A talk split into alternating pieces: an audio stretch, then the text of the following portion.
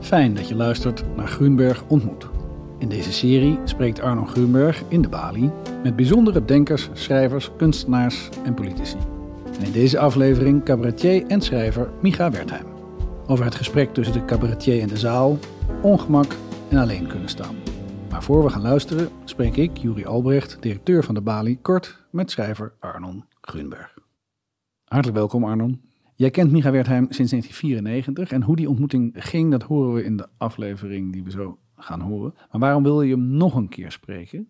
Ja, ik was wel gefascineerd door de manier waarop hij invulling gaf aan het fenomeen cabaret kleinkunst, waarmee ik Mhm. zelf helemaal niet zoveel heb. Hij heeft me ook wel eens op de vingers getikt, dat je niet mag zeggen dat je niet van cabaret houdt. Dat zou net zoiets zijn als zeggen dat je niet van romans houdt. Toen heb ik geantwoord, god, er zijn ook mensen die zeggen ik hou niet van operetten. Dat lijkt mij heel legitiem.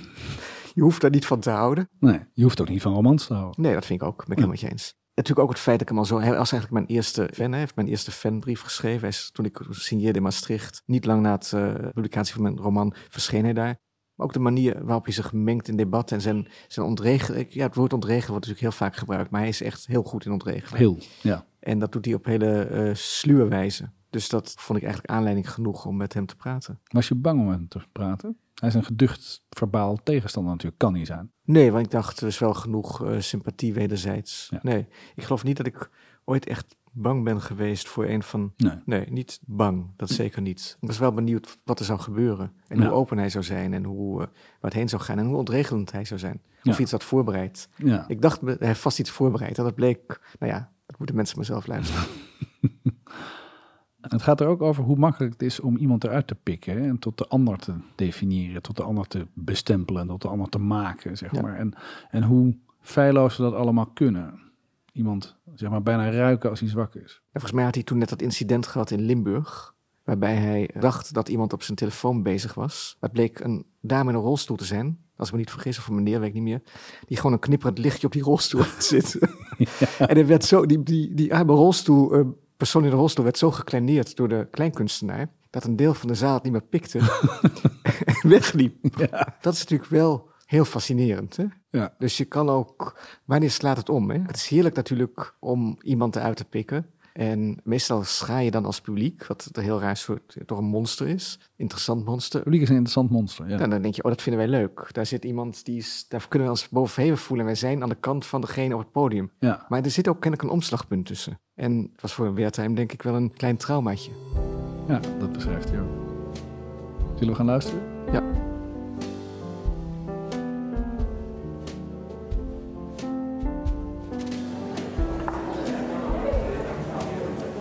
Goedenavond.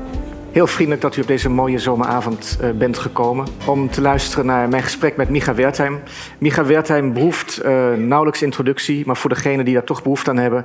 Micha Wertheim is ongeveer 40 jaar oud. Hij is cabaretier, hij is columnist, schrijver van kinderboeken. Hij is eh, charmant, hij is mooi, hij is hoogbegaafd. En ik denk niet dat het overdreven is om hem een genie te noemen. Ik ken hem al een heel lang en eigenlijk al vanaf mijn eerste ontmoeting met hem was ik overtuigd van zijn geniale kwaliteit. En het spijt me dat ik dat toen niet meteen aan de grote klok heb gehangen. Anders had ik nu voor de ontdekker van Micha Wertheim kunnen doorgaan. Eh, wat u ongeveer te wachten staat als u hier geweest bent eh, tijdens het gesprek met de hoofdredacteur van NRC Handelsblad, Van der Meers, dan heeft u een. eh, nou, dan weet u hoe het ongeveer gaat. Ik stel vragen. Micha geeft antwoorden. Die antwoorden worden steeds langer. Op een gegeven moment worden het monologen en dan zit ik alleen nog maar beleefdheidshalve op het podium. Tot Micha zegt van, wil je nu alsjeblieft van het podium afgaan? En dan zal ik dat ook doen. Even nog een praktische mededeling. Eh, ik laat mijn telefoon aanstaan, want mijn moeder ligt in het ziekenhuis.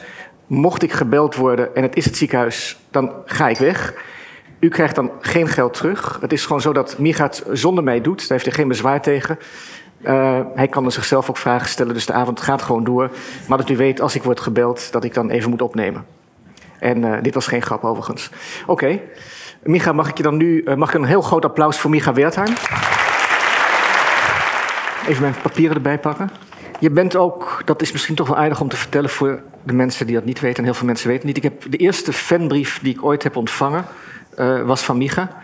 En het was een heel bijzondere fanbrief. Het eh, was vlak nadat mijn eerste roman uitkwam. Want er zat ook een zakje met kruiden bij. En dat is mij nadien nooit meer overkomen. Ik heb nadien nog veel aardige en veel onaardige brieven gekregen. Maar nooit meer heeft iemand een zakje met... In mijn herinneringen waren het kruiden voor de soep. Maar jij dacht dat het voor lamsvlees was. heet dat. Bouquet Ja. En, en wat bezielde jou eigenlijk niet om die brief te schrijven... maar om Bouquet bij te sluiten? Als we elkaar over twintig jaar tegenkomen... dan moeten we een beetje een leuk begin van de avond hebben. Maar uh, nee, ja, ik dacht dat ik vond het een beetje een gênante vertoning om een fanbrief te schrijven. Uh, maar er was, het boek was net uit, Blauw Maandagen. Arnold behoeft denk ik geen introductie, maar hij is hoogbegaafd en hij heeft heel veel boeken geschreven. En uh, dat boek had ik gelezen, dat vond ik heel erg mooi. Het stond er een naar stukje in de Volkskrant, herinner ik me. Dat, je, dat het geen goed Nederlands was, dat steeds herhalen van zinnen. Woorden, mag ik hopen. Woorden. Zinnen hij had verschrikkelijk veel zin om te feesten, zei hij. Ja, zei zij, ik heb verschrikkelijk veel zin om te feesten, herhaalde hij. Nou, maar dat soort uh, woorden. Uh, en in ieder geval, uh, toen dacht ik, nou, dat vind ik eigenlijk wel heel jammer. Want ik vond het boek heel erg mooi. En het was een boek wat heel dichtbij kwam. Wat natuurlijk het idee is van een boek. Maar dit boek dacht ik van ja, dat vind ik niet leuk. Laat ik dan maar degene zijn die deze verkeerd begrepen schrijver voordat zijn uitgever zegt: met jou ga ik niet verder. In ieder geval nog één keer een hart onder de riem steekt. Plus dat ik dacht van wat die jongen kan gebruiken is een goede pan soep. Want het ging niet heel goed met hem. En hij uh, leefde zo een beetje aan de zelfkant van de samenleving. Hè, die, de Arnon in uh, Blauwe Maandagen, die ging naar de hoeren. En toen dacht ik, ja... Dan moet je soep, dan moet je gewoon dan iemand moet je lekker, gaat, lekker soep, eten. En dan zal je zien dat je je al snel beter voelde. Dus het was een fanbrief, maar het was ook al een eerste poging om jou... Uh, een beetje een bepaalde kant op te sturen. Maar in, in jouw wereldbeeld gaan hoe, eten hoerenlopers per definitie geen soep? Uh, nou, dat is wel veranderd. Inmiddels weet ik dat dat, uh, dat, dat haast statistisch niet mogelijk kan zijn. Heb je dat daarna nog wel eens gedaan? Niet een fanbrief uh, geschreven, maar zo'n boek Gani aan iemand gestuurd die je nee, voor... Nee, nee, nooit meer. Nee, dat doe ik alleen, heb ik alleen bij jou gedaan. Ik heb ook daarna nooit meer een fanbrief geschreven. Omdat ik dacht, ja, dit is natuurlijk eigenlijk heel uh, gênant. Het, het, als je iemand goed vindt, dan, dan zegt dat nog helemaal niets. Als je een boek goed vindt, zegt dat helemaal niet of je die, die persoon uh, goed vindt. En dan moet je die, die moet je met rust Of je diegene aardig vindt, nee. Ja, of ik dacht, nou, maar ik, ja, ach, laatst sprak, zei iemand weer tegen mij van, ja, altijd als ik een boek leuk vind, dan stuur ik meteen even een mailtje om te zeggen dat het leuk is. Dan dacht ik even, kijk, eigenlijk best wel sympathiek, maar uh, het is er nooit meer van gekomen. Zou het vaker moeten doen. Kan geen kwaad. Maar je hebt ook, ik bedoel, we moeten hier niet te lang over doorgaan. Maar je hebt me in de tijd kwam, uh, jij studeerde in Maastricht. Ik kwam daar om te signeren. Het idee was dat ik op terrassen ging signeren. Er kwam heel weinig mensen op af. Niemand. Niemand. Nou, niemand. Jij kwam erop ja, af. Ja, ik kwam. Want je had gezegd, kom je Maastricht met de ja. terrassen signeertour. Ja, er stond ik... een tafeltje op het Vrijthof. En daar, stond, en daar zat jij met een vriendin die alles op video opnam. Precies. En uh, toen zijn we uit eten geweest. En daarna liepen we over de brug en toen gaf jij, uh, gaf je geloof ik uh, iets van 10 euro aan een straatmuzikant. Het maakte een grote indruk op me. Ik dacht, jeetje zeg, dat is wel heel veel geld. Dat is wel grappig, want in een van je programma's heb jij een grap over een jodenfooi. Dat je altijd bang bent dat jij, als jood, te weinig fooi geeft. Dat mensen dan zeggen, dat was een jodenfooi. Is dat misschien daar in Maastricht begonnen? dat je dacht, nee, hey, ik had hooguit daar in Maastricht kunnen zien dat dat dus niet klopt. Leg uit, heeft die straatmuzikant mij nagelopen? Nou, jij bent ook Joods. Ja. Nee, maar dat, nee je begrijpt het verkeerd. Even voor de mensen die dat fragment niet hebben gezien. Jij zegt van in dat, in, dat, in dat programma, ik durf het even geen cabaret te noemen, maar daarop komen we later terug. Zeg jij, ik geef altijd hele grote fooien, want ik ben bang dat zo'n ober dan zegt van... Dat, ja, nou, dat is, dat Daarna is natuurlijk een uitvergroting van een stukje... Ja, soms dan maakt zich een soort... Uh, zelfbewustzijn van mijn meester dat ik opeens denk van, oh, dan zullen ze wel denken dat. Uh, en dat heb, ik, dat, heb met zo'n, dat heb ik een poosje gehad met je Dat ik dacht, ja, als ik nou geen fooi geef, dan, dan ik, opeens is dat dan een item. Omdat iemand een keertje dan voor de grap zegt van, oh ja. En dan, dat is een jodenfooi. Ja, voor de grap tegen mij dan uh, dat zegt. Zo van, wij kunnen die grap met elkaar maken. En dan, dan lach ik heel erg, want ik weet, dat zijn goede vrienden van mij. En die heus niet denken dat. En het zit er toch in mijn hoofd dat ik denk, van mij moet in ieder geval zorgen... dus dat dat in ieder geval voortaan uh, niet meer gebeurt. Om vervolgens te denken, wat een onzin. En dan, maar dan, is het, het, dan, dan zit dat soort, dan is de vanzelfsprekendheid is opeens helemaal weg. Daar ging het stukje denk ik meer over dan dat... Uh, Oh, ik heb het anders geïnterpreteerd, maar Vertel. dat doet er niet toe. Nee, ik heb het echt, voor mij ging het echt over iemand die bang was dat mensen zouden zeggen dat ze joden voor je, om dat voor te zijn. Nou ja, nee, ja dat, maar, die, maar die angst eh, kan je ook hebben en weten dat het totaal irrationeel is. Dus eh, om het voor te zijn, ja, soms heb ik dat. dat ik om het, dus, maar ik heb hetzelfde met mensen die in mijn huis komen klussen. Dan voel ik on, ongelooflijke drang om, om, om over te vragen hoe, wat zij van het eh, Nederlands elftal vinden. Want ik de- dan denk ik, want anders denken ze dat ik, dat, ik, dat ik me beter voel dan hun. Maar dan denk ik, wat, dit- dit is pas paternalistisch, dat ik met hun ga praten over. Dus dan ga ik proberen zo normaal. Maar dan lukt het al niet meer om normaal te doen, want ik heb dan al besloten. En wat doe je dan? Dus je probeert je aan te passen aan de verwachtingen waarvan jij, waarvan jij denkt dat die werklieden eh, die hebben. En dan denk je, deze, ik, dit mislukt, ik, deze assimilatiepoging mislukt. En dan, dan zwijg je of dan loop je weg eh, of word je agressief. Nee, dan ga, ik, dan ga ik toch wel een soort gesprek voeren. En dan, dan, dan ben ik super bewust van dat ik het gesprek aan het voeren ben. dan en dat wordt is niet hoe je normaal een gesprek. gesprek voert. Nee. Zoals wij nu doen. Ja. Ik, ik herinner me jou, en dan eh, echt niet meer over Maastricht, maar toch wat ik me van jou herinner. In 1994 was, was je eigenlijk een hele dromerige, verlegen jongen. En ik had het idee dat jij een eh, hele beroemde wetenschapper zou worden, natuurkundige. Nobelprijs voor geneeskunde wellicht. Niet iemand die hele harde grappen zou gaan maken over gehandicapten. En die daarmee mensen in Roermond en elders op stelte zou jagen. Dat was geen moment in me opgekomen. Ja, ik, volgens mij maak ik nooit zulke harde grappen over gehandicapten. Ja, dat sommige mensen vinden dat. Ja, en de Nobelprijs. Ja, ja, dat zegt meer iets over jouw inschatting. Dan, maar ik bedoel, eh, in, je eerste programma met, wat met maakte, nodige... waarom maakte ik die indruk dan? Dat ik Nou, zo... eh, je maakt een hele intelligente indruk en ook op een zachtaardige manier een zelfverzekerde indruk. En als je in je eerste programma, uh, Micha Wertem voor beginners, dan zeg je wel met de nodige ironie, maar ik denk dat dat eigenlijk helemaal geen ironie is. Zeg je bijvoorbeeld, ja, ik deed mee aan een cabaretfestival, Leids Cabaretfestival, en het was arrogant van andere mensen om mee te doen, terwijl ik ook meedoe. En dan denk je ja, dat mensen lachen, want het is dan niet gepast om zoiets te zeggen. En je het zou ook als ironie kunnen worden uitgelegd. Maar ik denk, en dat bewonder ik ook, dat je dat echt meent. Nee, gelukkig niet. Nee? Eh, nee, volgens mij niet. Nee, sterker nog, ik weet nog dat er twee jongens meededen aan dat festival. Dat ik de hele tijd, die hadden een sketch, die dacht, die is zoveel leuker dan wat ik bedacht heb. Ik de hele tijd dacht, nou, die zullen dan wel winnen. Eh, dus dat, dat herinner ik me van het festival. En natuurlijk niet. Ik wilde een voorstelling, maar kijk, het was mijn eerste voorstelling. Dat is de voorstelling waarin je aan je publiek voorstelt. En dan heb je ook het voordeel dat niemand je kent. En ik was erachter gekomen dat als ik in Toemler, waar ik wel al heel vaak kwartiertjes had gespeeld, een paar jaar lang eigenlijk als stand-up comedian had opgetreden, dat mensen mij om de een of andere reden altijd eh, elitair vinden of vonden. En dat heeft iets te maken met hoe ik praat en met mijn woordkeus. Maar dat is iets wat, waar ik mezelf niet zo bewust van ben. En dat, dat werkte wel tegen mij. Want dan, dan voelde je dat zo'n zaal naar mij keek van ja, maar. En misschien zat er ook wel een waarheid in dat ik mij beter voelde dan hun. En toen dacht ik, ja, dan moet ik dat in mijn eerste voorstelling moet ik dat gaan onderzoeken. Of en, uitzoeken van wat is dat dat ik die indruk wek bij mensen. En dan is de beste verdediging de aanval. En dan meteen maar zo overdrijven wat mensen misschien al van mij zouden kunnen denken. Dat het ongevaarlijk wordt. Maar ik had nooit uh, gedacht dat mensen echt zouden denken dat ik dat allemaal meende. En vind je dat teleurstellend? Nou, er diepen inderdaad, ik ben niet de enige hoor, want er diepen heel vaak mensen ook woedend weg. Die dan zeiden van als je zo goed bent, maak dan een grap. En dan niet door hadden dat dat dan de grap was. Nee, ik ben niet woedend weg. Ik heb de DVD niet woedend Ja, nee, uitgezet. Nee nee nee. Nee, nee. nee. Ik hou gewoon, als het, bij, als het om uh, humor gaat, hou ik eigenlijk meer... En niet alleen om humor, maar ik hou meer van de, je, je onsympathieke kant uitventen dan je sympathieke Zeker. kant uitventen. En het is, uh, zeker op het podium vind ik, het, is het verleidelijk om te gaan flirten met de zaal en ze allemaal je vrienden te willen maken. De paradox is natuurlijk dat je wel een beetje moet zorgen dat de meerderheid van de zaal uh, jou nog wel ziet zitten. Want dat is dus ook niet Ja. altijd gelukt. Ja, je kan heel sympathiek tegen een zaal uiteindelijk zeggen. En voor alle duidelijkheid, mensen. Straks gaan we naar huis. En we zijn allemaal samen. Dan creëer je een soort gevoel van, van leuk en lief. En dat, dat irriteert me altijd mateloos. Dus dacht ik, nou dan ga ik daar... Mijn eerste voorstelling was meer een soort parodie op de voorstelling... waarvan ik bang was dat ik hem zou gaan maken.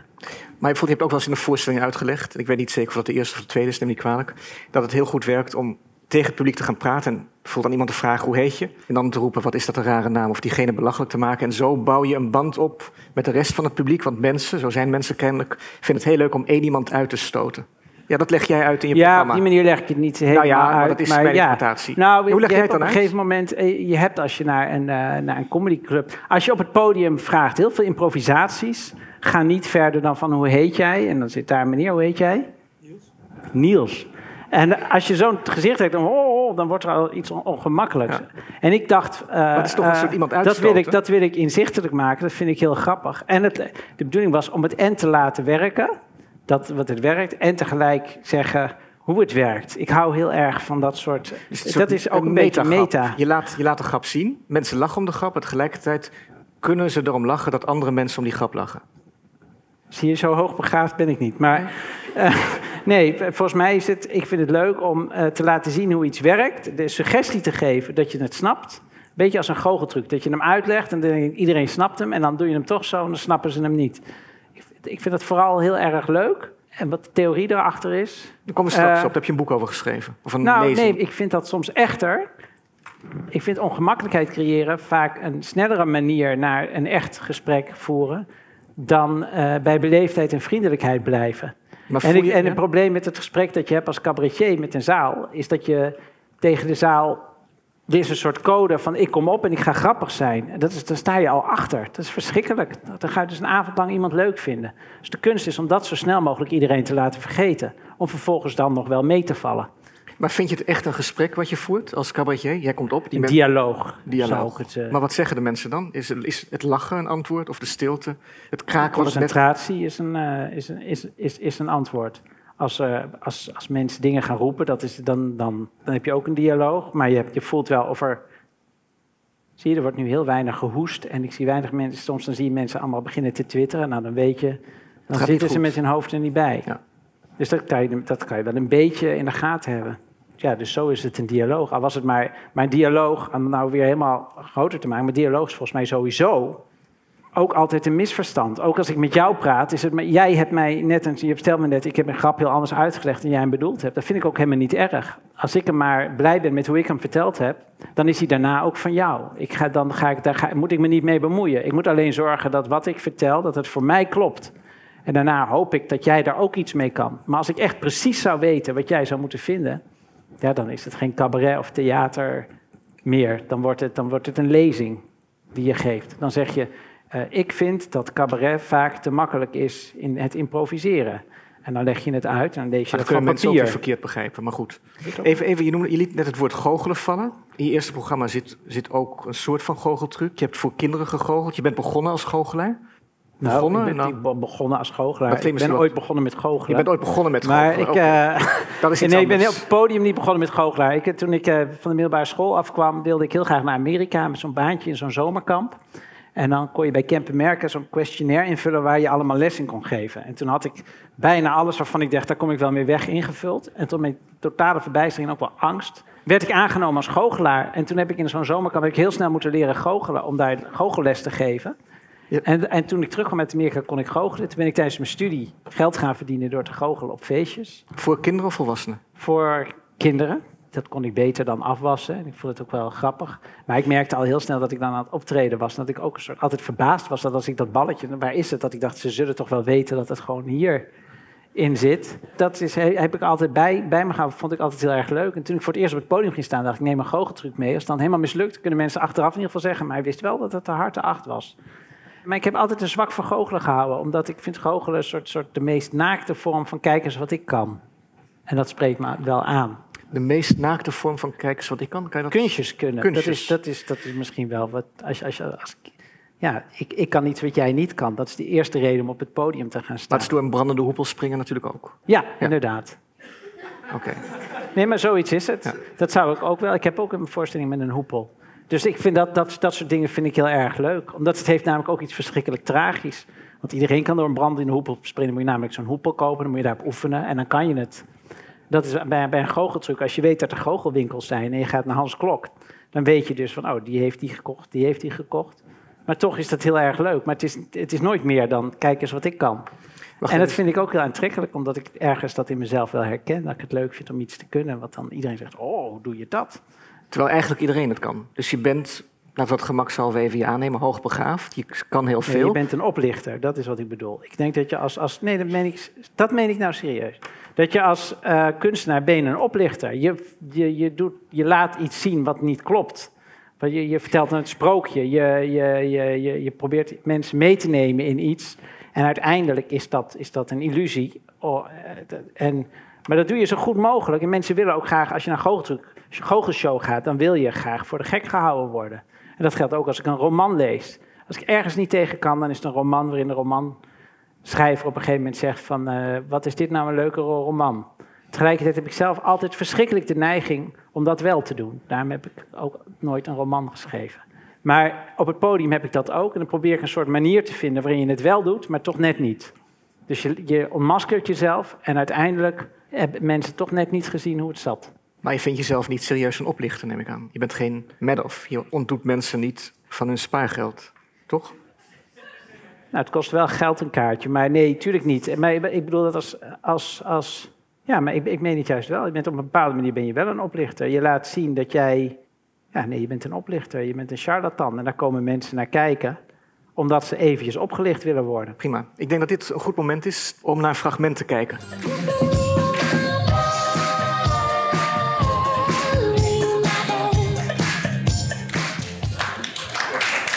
Goedenavond. Uh, mijn naam is Micha Wertheim. Wat ik zo even deed is een succesnummer dat ik al heel lang op mijn repertoire heb. Ik heb het ontwikkeld toen ik zeven jaar oud was. Bijna niet voor te stellen natuurlijk. Uh, mijn moeder, ik zal je vertellen hoe het gegaan is. Mijn moeder die, uh, die, die werd 40 en ik wilde haar een bijzonder cadeau geven. Ik dacht, wat kan ik haar beter geven dan een kans om aan haar vriendinnen te laten zien wat een bijzonder kind ze heeft. Ja, um... ik denk dat je als kindje nog niet realiseert dat je een oplichter bent. Daarna vertel ik dat dat dansje, dat dat een keer was, dat ik voor mijn moeder ging optreden. Want dat, dat is een optreden voor mijn verjaardag als cadeau. En dat ik halverwege het singeltje helemaal niet meer wist hoe ik verder moest gaan. Dus dat ik maar doorging. In de theaterversie ging ik ook net zo lang door tot de zaal helemaal stil viel. En dan bleef ik maar klappen. Dus er ook een beetje verdeeldheid creëren bij het publiek. Dat eerst denkt, we gaan met z'n allen gezellig klappen. En dan op een gegeven moment maar, het is al lang niet meer leuk. En dan doorgaan tot mensen het weer leuk vinden. Dus dat vind ik wel, dan is die ongemakkelijkheid er. Maar ja, dat is, dus, dat is wel echt gebeurd. En volgens mij, dat is precies, kijk eens wat ik kan. Het gewoon in het middelpunt van de aandacht staan. En, en op welk moment precies denk je van, het is leuk als ik in mijn onderbroek uit een koelkast kom gekropen? Hoe gaat dat? Nou, ik, uh, ik heb dan met, met try-outs. Je gaat naar theater en mensen hebben een kaartje gekocht om, om een voorstelling te zien die helemaal nog niet af is. En ik weet bij deze nog precies, ik reed naar Utrecht toe en dit was mijn eerste try-out. En ik was echt, ik, ik zweet helemaal. Ik denk van, ik, er zitten straks allemaal mensen, die, die gaan allemaal een avondje uit. En ik heb werkelijk geen idee hoe ik dit aan ze ga verkopen. En toen moest ik denken aan die droom, dat je dan op moet treden en dat je erachter komt dat je geen kleren aan hebt. Of dat je naar school moet en dat je geen kleren aan hebt. Dus dat je door de mand valt. En toen dacht ik opeens van, hé, hey, dat zou eigenlijk wel heel grappig zijn als ik dan opkom, ook echt zonder broek. Uh, en eerst dacht ik van, dat moet ik in mijn naki doen. Maar toen dacht ik al, nee, dat is te, dat is te veel van het goede. Vanwege je ouders? Omdat die komen kijken? Nee, helemaal niet. Maar omdat het dan, het is altijd, ik ben wel eens naar ballet geweest en dat er dan naakt gedanst wordt. Ja, dan zit ik de naar, naar die mooie borsten te kijken en dan vergeet ik naar de, op de choreografie te letten. En dan denk ik achteraf van, joh, doe dan een, neem ik de choreograaf dan ook kwalijk. Die, doet, die gebruikt iets wat, wat eigenlijk dus te sterk is. Dat dus ik dacht, zo, dus ik dacht van, nou, ik ga, dat, is, dat is grappig, dat is leuk. Dus ik ga op het podium en dan kom ik op. En dan zeg ik van, het is, blijkt allemaal uh, halverwege dat ik dan pas zeg van, hé, ik heb geen broek aan. Oh, wacht even, dan is dit een droom. Dan dacht ik, hè, nou, ik heb, dat, dat is dan voor vanavond uh, in ieder geval geregeld. En toen ben ik dat die avond gaan doen. En dat is eigenlijk in een voorstelling gebleven. En dat is eigenlijk hoe de meeste dingen bij mij bij een voorstelling ontstaan. Uit, bij de try-outs, dat ik denk, ik moet iets hebben. Hoe los ik dit op? En dat er dan iets komt. En soms is dat niks en soms is dat wel goed. En, dat ik uit de koelkast kwam, dat kwam dan later. Dat wist ik, het was een droom. En dan moest ik nog een begin hebben. En dan nou, langzaam komt het dan allemaal samen. Maar tijdens die eerste try-out stond die koelkast nog niet op het podium? Nee, helemaal niet. Nee, dat kwam pas omdat ik toen op een gegeven moment dacht... oké, de droom is een theater. En uh, ik ben in, op het podium. En dat is, oh, dus hoe ga ik dat vormgeven? Toen dacht ik, wat is nou...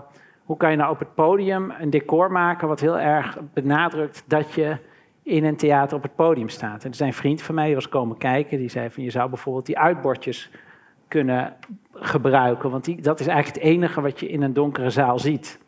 En toen had, had, ik bedacht dat er achter mij een uitbordje hing. Dus ook heel veel theatertechnici die begonnen. En zeiden, oh shit, het uitbordje is nog niet afgeplakt. Dus het idee was dat dat was eigenlijk mijn enige decor. Maar toen dacht ik, maar het is wel leuk als aan het einde dat er dan iets gebeurt. Dus dacht ik, als dat mannetje nou eens echt door die deur vertrekt uiteindelijk. Toen dacht ik, maar dan moet hij ook opkomen. Dan moet hij uit die deur komen. Wat is een witte deur? Nou, de koelkast. Oh, dat is echt wel grappig dat ik uit een koelkast kom. Dus dan werd ik, voordat de voorstelling begon, werd ik in een koelkast het podium opgereden. En dan kwam de zaal binnen. Dan stond ik meestal in kleine zalen, dus dat duurde meestal vijf minuten. Ik heb ook wel eens in de zaal gezeten dat ik twintig minuten lang in die koelkast zat te wachten. En wat, wat denk je dan? dan denk je dan, wat, ben ik een stomme oplichter? Andere oplichters hebben het beter. Die hoeven niet 20 minuten in een koelkast? Of? Nee, was, eigenlijk was wel leuk. Ik belde dan even met mijn vriendin. En ik had een vriendin wiens moeder heel ziek was. En die belde ik dan ook eventjes. En zei, zo is het ermee. Ik zit weer in de koelkast. en, dat... en het was eigenlijk wel, het was ook wel een goed moment om te concentreren. Want je kan in die koelkast geen kant op. Het is, als je opkomt wel fijn als je een verrassing hebt. Dat de zaal denkt, hè?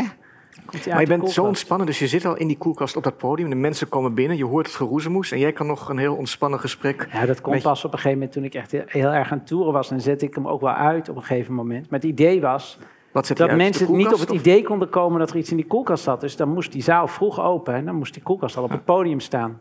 Het was niet een echte koelkast. Gelukkig. Kom net. Even een citaat uit een interview wat uh, Koen Verbraak met je heeft afgenomen. Vrij Nederland, 2009.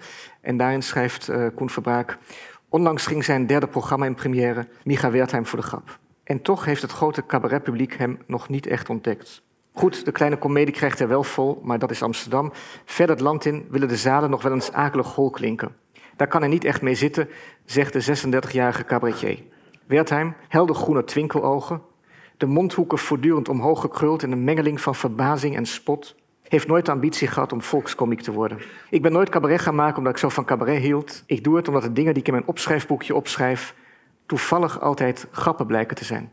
Laten we even beginnen met het opschrijfboekje. Wanneer precies ben je, ben je dingen gaan opschrijven? En ontdekte je toen met één al dat dat grappen waren? Ik denk dat niet helemaal eerlijk was van mezelf. Ik wil natuurlijk wel graag hele grote, volle zalen hebben. Maar het leek me de verstandig omdat dat in Vrij Nederland niet meteen te zeggen, want dan kom je zo verongelijkt over. Maar er zitten hier net genoeg mensen in de zaal die mij goed kennen en dat te vaak gehoord hebben van, uh, nou, uh, bij Theo Maas uh, zat het. ja. Dus dat ik, daar voel ik me, er zitten net te veel mensen in de zaal om dat voorbij te laten gaan. Dat opschrijfboekje, ja, dat is gewoon. Ik, ik, als ik iets maak, dan, dan is het meer omdat ik denk: wat zal ik eens gaan doen? Dat vind ik leuk. Dan schrijf ik iets of, of ik bedenk iets en dan is het een grap ja, dan ligt die grap voor me op tafel. Dan, dan, dus dan ga ik daar maar wat mee doen. En echt, als ik, als ik een idee zou hebben voor iets anders, dan zou ik daar met heel veel liefde zou ik me daar helemaal aan geven. En het is, ik vind het ook heel leuk om dit te doen. Maar het is niet omdat ik cabaretier wilde worden, maar om, ik vind het wel leuk om dingen te maken. Dat vind ik heel erg leuk. Dingen, kun je dat specificeren? Nou, om iets te maken waarbij ik bij iets bij mezelf moet onderzoeken in de hoop dat ik daar zelf ook een beetje van verander. Dat vind ik leuk van het maakproces. Ik wist niet dat ik uit de koelkast zou komen. Ik wist niet dat ik een show zou maken. Dat, ik, dat een droom was. Maar omdat ik mezelf voor het blok had gezet, dat er publiek kwam, moest ik dat gaan doen. En dan, ben, dan is, vind, is dat heel leuk om mezelf te verrassen. Dat vind ik leuk van iets maken. Maar zei niet net ook, ik vind het leuk om mezelf te veranderen? Dat je daardoor verandert? Ja, of, en ja. dus bijvoorbeeld die eerste voorstelling over dat ik mezelf geniaal vond. Dat was ook een soort... Ja, therapie is wel een heel groot woord. Maar door iedere avond dat die kant van jezelf te laten zien, van zelfoverschatting, word je gedwongen daar iets mee te doen voor jezelf. En op een gegeven moment dan, heb, dan kan je dat dan weer afsluiten en dan ga je iets anders onderzoeken. En wat, wat precies heb je onderzocht in die zelfoverschatting? Was die zelfoverschatting dan pure camouflage van, van juist diepe onzekerheid? Of nee, het was wat die voorstelling is geworden. ja, maar er is nog een verband tussen jou en die zelfoverschatting? Waar komt die zelfoverschatting vandaan? Waar die vandaan komt? Ja. Ik, ik, ik voelde het te druk dat het uiteindelijk helemaal monologen van mij moeten worden. En nu weet ik even geen antwoord. Ja, dat, dat, dat is een soort psychologische vraag. Althans, zo kan ik hem uitleggen. Ja, dat mag. Het makkelijkste antwoord is onzekerheid. Maar dat is hetzelfde als op een sollicitatiegesprek zeggen dat je soms net iets te enthousiast bent. Ik denk dat het te maken heeft met een soort ongemakkelijkheid voelen in een groep mensen. En die ongemakkelijkheid zal met heel veel dingen te maken hebben. Een van de dingen die denk ik meespeelt is dat ik altijd in... Uh, uh, mijn jeugd doorbracht in Maren en Maarsbergen, in, in dorpjes met ouders die eigenlijk misschien meer op hun plek zouden zijn geweest in Amsterdam, maar daar ook altijd ver uit de buurt bleven om allerlei redenen.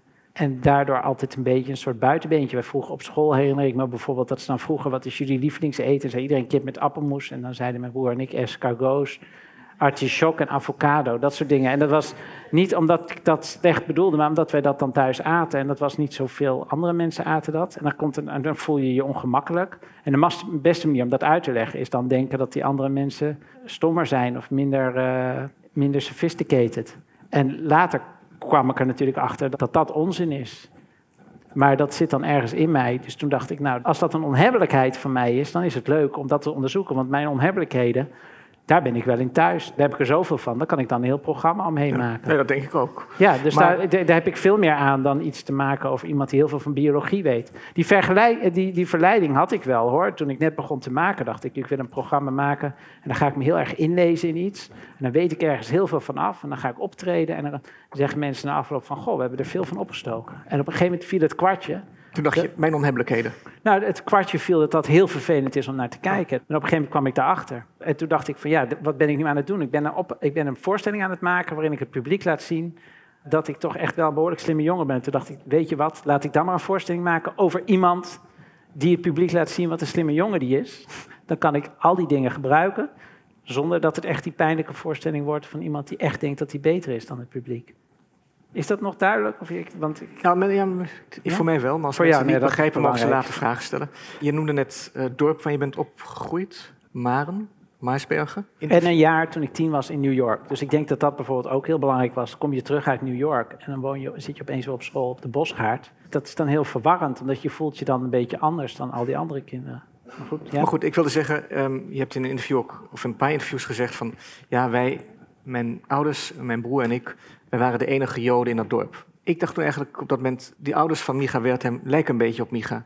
Want ze hadden natuurlijk ook gewoon in Amsterdam-Zuid kunnen gaan wonen of in Amstelveen.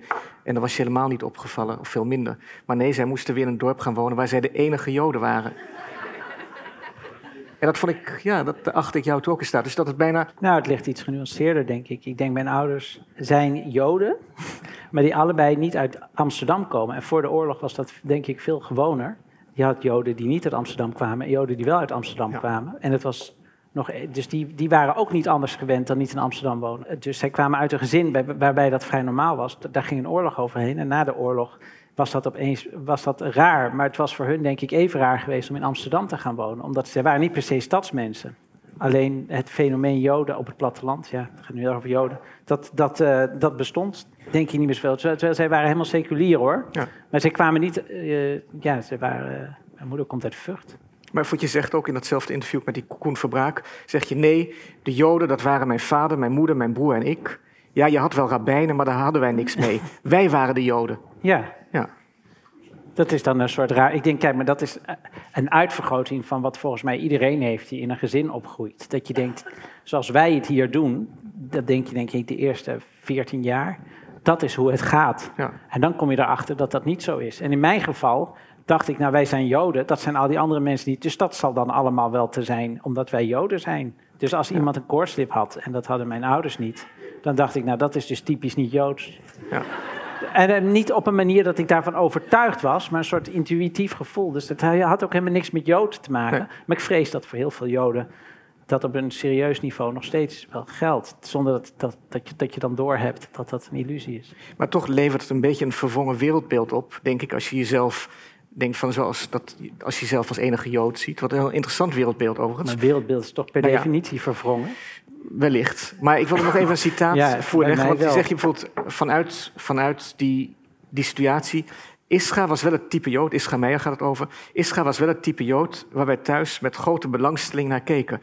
Dus het lijkt ook alsof we daar in dat dorp in Maarsbergen een soort antropologische belangstelling hadden voor dan die Joden die in de grote stad zaten en nee, maar anders waren. Mijn ouders, of ja, wij thuis, maar wij thuis leefden. Mijn moeder die las dan de krant en las een stukje voor en dan moet je dit nou lezen.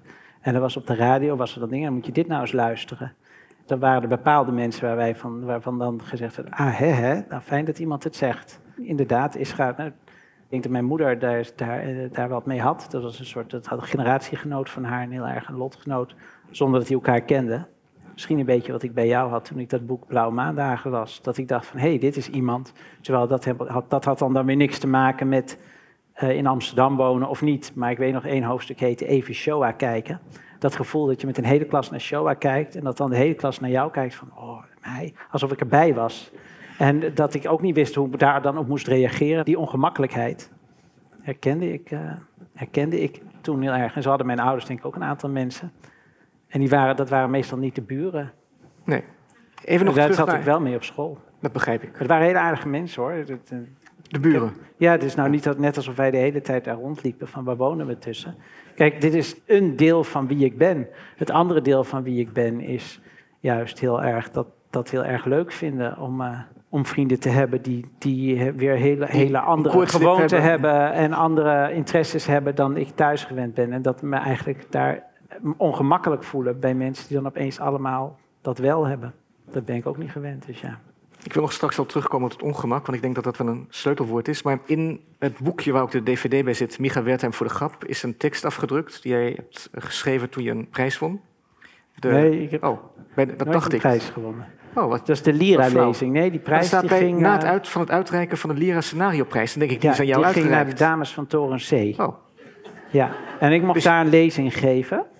Ik geloof dat ze een beetje hadden gehoopt dat ik een gekke act deed. Dat realiseerde ik me pas later. Maar ik, ik dacht van, oh, dat, wauw, een lezing. En dan kan ik toch nog eens een keer laten zien... eh, en, maar, en, en, nou, maar nu over oplichterij gesproken, want de suggestie wordt toch een beetje gewekt, voor deze lezer althans, dat jij die prijs had gewonnen. Maar goed, dat, dat, ik had natuurlijk ook even kunnen googlen. Eh, maar ja, die tekst ja, is... nou, het was, ja, ik kan ook niet... Nee, dat doet het allemaal onbelangrijk. Die tekst, satire in het tijdperk van de manische reproduceerbaarheid, is zeer de moeite waard. En eigenlijk omdat je daar vrij ernstig ehm, je eigen grappen probeert te analyseren. Ik wil een stukje voorlezen. Dat is nou, het sluit mooi aan bij wat je in Vrij Nederland zei over dat je steeds weer bij grappen uitkomt. Het is moeilijk te verklaren waarom ik vaak bij grappen uitkom als ik iets wil zeggen. Wel kan ik stellen dat satire mij bevalt, omdat het een spel is waarbij je argumenten kunt draaien en keren tot ze tot de meest eigenaardige conclusies leiden. Ik speel dat spel heel graag, maar het blijft een spel. Echt winnen kun je er niet mee. Met satire kun je de finale halen, daarna verlies je. En die laatste zin gaat dan, dat weet u niet als u de tekst niet heeft gelezen, maar het, de lezing begint met een anekdote of met een verhaal over een debatwedstrijd waaraan Micha meedeed. En toen moest, moest jij de doodstraf verdedigen. Ik kreeg wel de lachers op je zaal, maar ik kreeg ook een persoonlijk briefje. hand, ja. Ja. op, op, je kreeg wel je lachers op, op, in de zaal op je hand, dankjewel. Sorry, Eh, ja. Nee, dat is heel goed. Eh, correctie is heel goed. Maar vervolgens kreeg je van de juryvoorzitter daarna een waarschuwend briefje aan jou persoonlijk, waarin ze je waarschuwde voor jouw talent om de lachers op jouw hand te krijgen. Dus dat moest ik even uitleggen van daar die finale, want die won je niet omdat wat je verdedigde eh, eigenlijk verwerpelijk was en niet om hoe je het verdedigde. Maar goed, dat vind ik toch interessant. Wij zegt met wat ik doe kun je niet winnen. Een satiricus blijft altijd iemand ja, blijft een cabaretier. Ik heb me wel eens denigrerend uitgeladen over cabaret in het algemeen. Daar ben je toen geloof ik een beetje boos om geworden. Maar hier herhaal je eigenlijk precies wat ik tegen cabaret of tegen stand-up comedy zou kunnen hebben. Dat het, is, het maakt zichzelf altijd ongevaarlijk. Nou, ik hou ook niet van literatuur die eh, wil winnen. Ik vind dat kunst sowieso, als je het dan over eh, al die andere vormen die geen cabaret hebt. Kijk, het is allemaal satire. Dit heb ik een beetje geleend van, eh, van een boek van Howard Jacobson, wat, wat, ik, wat ik onlangs gelezen heb, wat, wat, wat ik heel mooi vond. En wat ook het motto heb je daar aan ontleend, toch? Ja, maar dat Ja. komt uit een ander iets van hem. Eh, maar hij zegt op een gegeven moment, ja, dat is, dat, kunst is niks anders dan een soort uitlaatklep, een soort satanische uitlaatklep. Een soort parallele wereld waarin je al je dingen kwijt kan die je in een beschaafde samenleving eh, in het echt niet kan doen. Je kan in je fantasie kan je allemaal gruwelijke dingen doen en je kan... En, het, en het- de reden dat mensen naar een comedy show zijn- gaan, zegt hij, is omdat je gewoon eventjes iets wil meemaken, even een uitlaatklep zoekt. Ja, dit, ik leg het heel slecht uit. Ik moet even opnieuw uit. Ik eh, zie het Nee, valt echt mee met dat geniaal. Je hebt denk ik twee soorten kunst. Je hebt kunst die mensen probeert een bepaald pad op, die stichtelijk wil zijn. Die mensen een eh, eh, stichtelijk wil zijn, of het nou cabaret is of niet. En je hebt die zegt, ik wil ontregelen. En daarna moeten mensen zelf maar bepalen wat ze ermee doen. En ik hou van het ontregelen en daarna moeten mensen zelf maar bepalen. Want ik vind dat dat andere, die andere vorm van kunst, die heeft iets religieus. Die heeft iets dweperigs, van, eh, iets messianistisch. Ik ben een soort... eh, ik, God bestaat niet, maar als we nou met z'n allen Primo Levi lezen, dan kunnen we naar aanleiding van Primo Levi betere mensen worden. Daar geloof ik niet in. Dat is niet de reden van kunst. De reden van kunst is om twijfel te zaaien en om, om eventjes los te komen juist van wat je allemaal denkt te snappen. Uh, dat je dus inderdaad, om je even te realiseren dat ieder wereldbeeld een verwrongen wereldbeeld is. En even niet meer te geloven in het feit dat, je wereld, dat, dat de wereld zoals je denkt dat je hem snapt, dat die klopt. Dat is waarom ik een gedicht lees, omdat een gedicht opeens iets laat zien van ik dacht, hé, hey, dat had ik nog niet gezien. Dus ik wil, ik wil veranderen als ik iets lees of als ik iets zie. En dat vind ik hetzelfde. Ja, misschien raaskal ik hoor. Nee, nee, nee, ga door. Ik snap niet waarom jij... Uh... Nou, misschien komen we zo op het cabaret terug. Dat is ook dat is, uh, ja, voor, nee, voor later. ja, wat snap je niet? Waarom jij, wat, dat, wat je bedoelt met daarom hou ik er niet van. Jij wil winnen met jezelf? Nou, ik vind, ik, ik net zei, ik vind ook in de zekere Dan zin... Dan moet je de politiek in. Nee, nee, wacht, wacht. ja. ja, sorry. Jij zei ook net van over de, de zalen, de volle zalen, van je wil volle zalen trekken. Je doet mee aan een debatwedstrijd. Het is natuurlijk makkelijk op het moment dat je niet wint om te zeggen, ik wilde eigenlijk niet winnen. Dus in die zin geloof ik niet helemaal dat jij niet wil winnen. Het is maar net welke wedstrijd je wil winnen. Ik wil, ik, ja, maar ik, ga, ik wil wel volle zalen, maar ik realiseer me als ik in Vrij Nederland geïnterviewd word, wel wat een ongelofelijke lulkoek dat is om dat te winnen. Dus net op tijd trek ik mijn woorden in. Dus het, het, dat is een onhebbelijkheid. Tuurlijk wil ik je, maar dat is, weet je wel. Dus je hoe kan je nou de beste willen zijn in iets waar helemaal geen wedstrijd in is? Dan moet, je gaan, dan moet je gaan sporten, dan kan je de snelste hardloper zijn. Dan heb je gewonnen. Maar dat bestaat niet. Hebt, jij kan ook niet de beste romanschrijver zijn. Als ik een roman van jou lees, dan, dan is dat voor mij op dat moment de wereld die ik op dat moment meemaak. En dat geeft onzin om dan te zeggen, ja, maar als ik dat nou leg naast, uh, weet ik het, Coetzee... Oké, ik neem dat, ik vind het een valide argument, maar... Maar is dat wat je bedoelt? Nee, niet helemaal, want het zijn natuurlijk ook begrippen die je zelf via je eigen tekst, in je lezing over de satire, over de grap, hanteert. Jij hebt het over winnen en verliezen. Jij zegt met satire, ja, ik probeer, dus in die zin, ik ga daar, daarin mee. Ik probeer iets uit te leggen daar met, die, die prijs won. Dat... Uh, dat je twee soorten voorstellingen kan maken. Voorstellingen waarin je de zaal inderdaad kan proberen een kant op te duwen. Dat mensen naar buiten gaan en dat zeggen, nou nu weten we toch echt dat die Wilders niet deugt.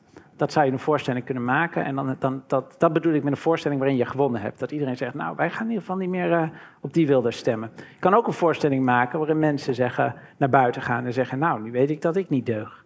En, dan, en daarvan, dat vind ik leuker. Dat, als ik ergens heen ga, wil ik dat. En dat is wat, dat, dat wil ik dat iets teweeg brengt. En dan kan ik daarna, zodra ik buiten ben, weer proberen zo goed mogelijk te deugen. En weer een coherent wereldbeeld en een soort fatsoenlijk leven te leiden. Dat is heel belangrijk. Maar als je op het podium bent en naar iets kijkt, naar een film kijkt, dan wil ik daar, dan wil ik daar even van verlost zijn. En dan, gelden die, die wet ook niet meer. Wil je onfatsoenlijk kunnen zijn? Ja, en ik wil in ieder geval niet dat er een soort programma achter zit van, van, van de filmmaker dat hij mij iets anders wil laten zien dan een, dan een hele mooie film. Ik geloof Philip Roth het op een gegeven moment gezegd heeft: een roman is een vraagteken. Nou, dat vind ik voor een cabaretvoorstelling ook. Of een koffer, die zet je op straat en dan moeten daarna mensen zelf maar mee weten wat ze willen doen. Okay. Um, is, dat, is dat wel een antwoord of begrijp ik het nog steeds niet? Ik vind, want ik, denk dat ik het niet begrijp. nee, want... we gaan naar een uh, fragment kijken. Ik denk dat kan een hoop, uh, hoop verduidelijken. Als een kind een rolstoel ziet, wat denkt hij dan? Dan zegt hij, mag ik erin? En dan zeg je, nee, daar zit al iemand in. Een rolstoel is leuk hoor. Dat is, echt, het is namelijk het, is het beste van twee werelden. Het is zitten en rollen tegelijk. Het is, je, het is, heerlijk. Tuurlijk, soms heb je een drempel, maar dan til je de rolstoel gewoon even eroverheen. En dan rol je weer door. Het is heerlijk. Het is tuurlijk. Kijk, ik ben geen revalidatiearts, maar mijn theorie is dat het vervelende van gehandicapt zijn niet is dat je in een rolstoel zit, als wel dat je er niet meer uit kan. Goed. Maar goed, ik denk, ik wil best met die man gaan praten. Dus ik zei tegen mijn psychiater, zei, oké, ik ga wel met die man praten. En toen zei, toen zei hij, ja, uh, dan moet je wel een cameraploeg meenemen. Want je moet, anders is het niet gebeurd. Dat is nou eenmaal de wet van de media. Als het niet gefilmd is, dan is het, dan is het niet gebeurd. Dus ik zei, prima, ga ik ook een filmpje maken. Fitness. Dus ik naar het revalidatiecentrum. En ik kom daar aan. En die revalidatiearts heeft voor mij geregeld een afspraak met drie leiders van de gehandicaptenbeweging Noord-Holland. En die zitten daar op mij te wachten in zo'n treurige vergaderzaal met plastic koffiebekertjes en plastic roerstokjes. De revalidatiearts gaat niet eens bij ons aan tafel zitten, want die, die, ik moest het maar met hun uitspreken. Camera naar binnen. Hele ongemakkelijke sfeer. Dus ik denk, laat ik nou eens een risicootje nemen. Dus ik zei, luister, als, tuurlijk heb ik niet de pest aan alle gehandicapten. Het gaat me om een klein groepje kutgehandicapten die het verpesten voor de rest. nou, ze waren gehandicapt, maar ze waren niet achterlijk. Ze moesten hard lachen en er was in één keer niks meer om over te praten. Het was gewoon opgelost. En dus dat is natuurlijk ook, het was, het was heel gezellig. zaten daar zo'n beetje, ja. En ik denk, ja, dit is geen filmpje. dus, dus ik zei, vinden jullie het goed om even eh, de handen te schudden? Want dat is nou eenmaal, dat, dat, dat communiceert beter. Wertheim maakt het goed met de gehandicapten. Nee, vonden ze prima. Ik gaf de eerste jongen een hand. Hele aardige kerel. Wilde mij nog gelijk geven. Ik zeg, joh, daar heb ik al zoveel van. dus ik gaf de eerste een hand. Ik, zeg, kijk in de camera. Ik zeg, uh, nou, fijn dat we het erover gehad hebben. En uh, Leuk. En tweede ook, ik zei sowieso, als je het leuk vindt, kom een keertje langs. Ik vind het altijd leuk als gehandicapt te komen. Natuurlijk niet met z'n drieën, want dat vindt de brandweer nou eenmaal onverantwoord. Dus nou, dat is geen nieuws hoor. En uh, nou, dankjewel, leuk dat we het erover gehad hebben. Ik, uh, derde, derde jongen, kom ik aan, duurste rolstoel, maar geen hand. En er knapt iets bij mij. Ik denk, dit is toch, dit, wat is hier toch aan? Want meneer had wel handen, maar die bewogen niet. Ja? Dus ik, sta daar, ik ben speciaal naar dat revalidatiecentrum gekomen. Ik heb toch goede wil getoond. Ik ga het debat aan en meneer vertrekt geen spier. Dus ik kijk in de camera en ik zeg: Zo gaan we niet met elkaar om in dit land. Ik zeg: Hier gaan we nog eens een heel hartig woordje met elkaar over spreken. Ik was er helemaal klaar mee. Dat kan ik je gewoon zeggen. Dan maar geen hand. Nee, echt waar. Op dat moment, ik ben het revalidatiecentrum uitgelopen. Ik wil, ik, ik wil weg. Dat wil zeggen, was ik er maar uitgelopen. Want vlak voor ik buiten sta, wordt mij ook nog eens de pas afgesneden. Door een jochie van nou, zeven of acht jaar in een rolstoel. En ik zie dat dat jochie mij herkent. Ik voel dat. Hij, op een gegeven moment ontwikkel je een soort zintuig dat je voelt dat mensen je herkennen. Nou, dat zegt de meeste ON'ers niets. Maar dat, en, dus ik kijk. En mijn eerste reactie was natuurlijk om te zeggen: van joh, dat was voor de grap. Hè? Maar op dat moment realiseer ik me, dat jongetje heeft een week lang op het nieuws gehoord dat ik gehandicapten haat. En, en dat ik ze het land uit wil hebben. En, en wie ben ik dan om te zeggen dat dat niet zo is? dus ik snap dat de werkelijkheid en Micha Wertheim een beetje uit elkaar gegroeid zijn. Dus ik denk, ik kan wel honderd keer zeggen, het was voor de grap. Maar ik kan ook gewoon even mijn hand op zijn bolletje leggen. En hij staat op. En hij loopt zo het revalidatiecentrum. Is dit een, een mooi voorbeeld van wat je net ontregeling hebt genoemd? Het is wel zo bedoeld. Ik neem aan dat je bedoelt dat dit, dat dit ook een soort aanklacht zou kunnen zijn tegen Rita Verdonk, die die uh, imam geen hand wilde geven. Maar ik wilde gewoon iets, iets, iets heel grappigs vertellen. dus ik dacht, als je dat verhaal nou net anders vertelt, dan wordt het heel erg grappig. En dan, dan, dan, eh, en dan, ja, wat mensen er daarna zelf mee doen, dat, dat, dat moeten ze dan zelf, zelf maar weten. wel mhm. weten. En natuurlijk ja? had ik ook allemaal andere grappen kunnen maken die ik niet heb gemaakt. Dus het is wel degelijk een soort keuze die ik maak van nou die grap ga ik niet maken, die wel. Ik heb echt wel ideeën, maar dat is, het is niet omdat ik mensen een kant op wil duwen dat ze denken, oh we zouden toch beter met elkaar om moeten gaan. Want dat blijkt ook, dat sommige mensen die zagen dit en die dachten van jeetje, schandalig hoe die over gehandicapten praat. Nee, dat, dat begrijp ik. Ja. ik. Ik begrijp best dat je, dat je het onderscheid wat je maakt tussen de stichtelijke kunst en de niet-stichtelijke kunst, terwijl ik wel denk dat achter dat onregelen het, eigenlijk hetzelfde moralisme schuil gaat maar dat je er iets anders mee doet. Maar dat is misschien iets waar we nog zo ook op terug kunnen komen. Maar wat ik interessant vind is, want dit, dit fragment gaat eigenlijk over een incident dat gebeurde in Roermond. Op het moment dat jij grappen maakte over gehandicapten. Een meneer zat in de zaal. Die, nou ja, dat, ik denk dat het een heel bekend verhaal is voor de mensen die hier zitten. De, zaal, de voorstelling kon niet worden uitgespeeld. Jij was wekenlang, nou misschien is het overdreven, dagenlang in het nieuws. Je kreeg hate mail. Um, je mocht op een gegeven moment zelfs bij Paul Witteman, als bij deze voorstelling, nog eens over die uh, affaire komen vertellen. Maar is, is het moment dat mensen de zaal uitlopen, want als we het echt over ontregeling hebben, is dat niet het moment dat die ontregeling echt werkt? Dus als iedereen blijft zitten, dat zeg je ook, van, ik geloof in deze voorstelling, zeg ja, ik dacht dat mensen wel begrepen dat het een grap was, er stond cabaret op het kaartje. Maar is dat niet dat je dan die ontregeling, op het moment dat het echt ontregelend werkt, ook weer terugtrekt, dat je zegt, ho ho, het was maar een grap? Ben ik nog duidelijk zeg ik steeds, ik ben een oplichter en als je naar het voordeel, je moet niet gaan denken dat ik het echt meen dan, natuurlijk loopt het dan uit de hand. Maar uh, als, als, ik bedoel, ik mag ook hopen dat mensen na het lezen van Teerza niet zeggen wat schandelijk wat je met dat meisje hebt laten gebeuren. Dat is, dat is, dat is voor mij het, uh, hetzelfde. Ik herinner me ook dat jij toen een, een, een, want ik herinner me heel goed al de stukjes die ik daarna over me heen kreeg. En jij schreef toen gelooflijk dat ik maar eens naar uh, publikumsbeschimpfung moest gaan kijken van Hanke. Mm Want jij zei, als het publiek één recht heeft, dan is het het recht om weg te lopen. Dat is toch ook, als het publiek dat mag doen, ja, dat mag het publiek van mij ook. Alleen dan lijkt het me handig als de mensen die zich daar een mening over vormen, er niet blind van uitgaan dat die mensen dus gelijk hebben. Maar van mij mag iedereen weglopen. Ik heb helemaal geen bezwaar tegen als ze maar niet weglopen en dan een verhaal vertellen alsof ik iets schandelijks gedaan heb.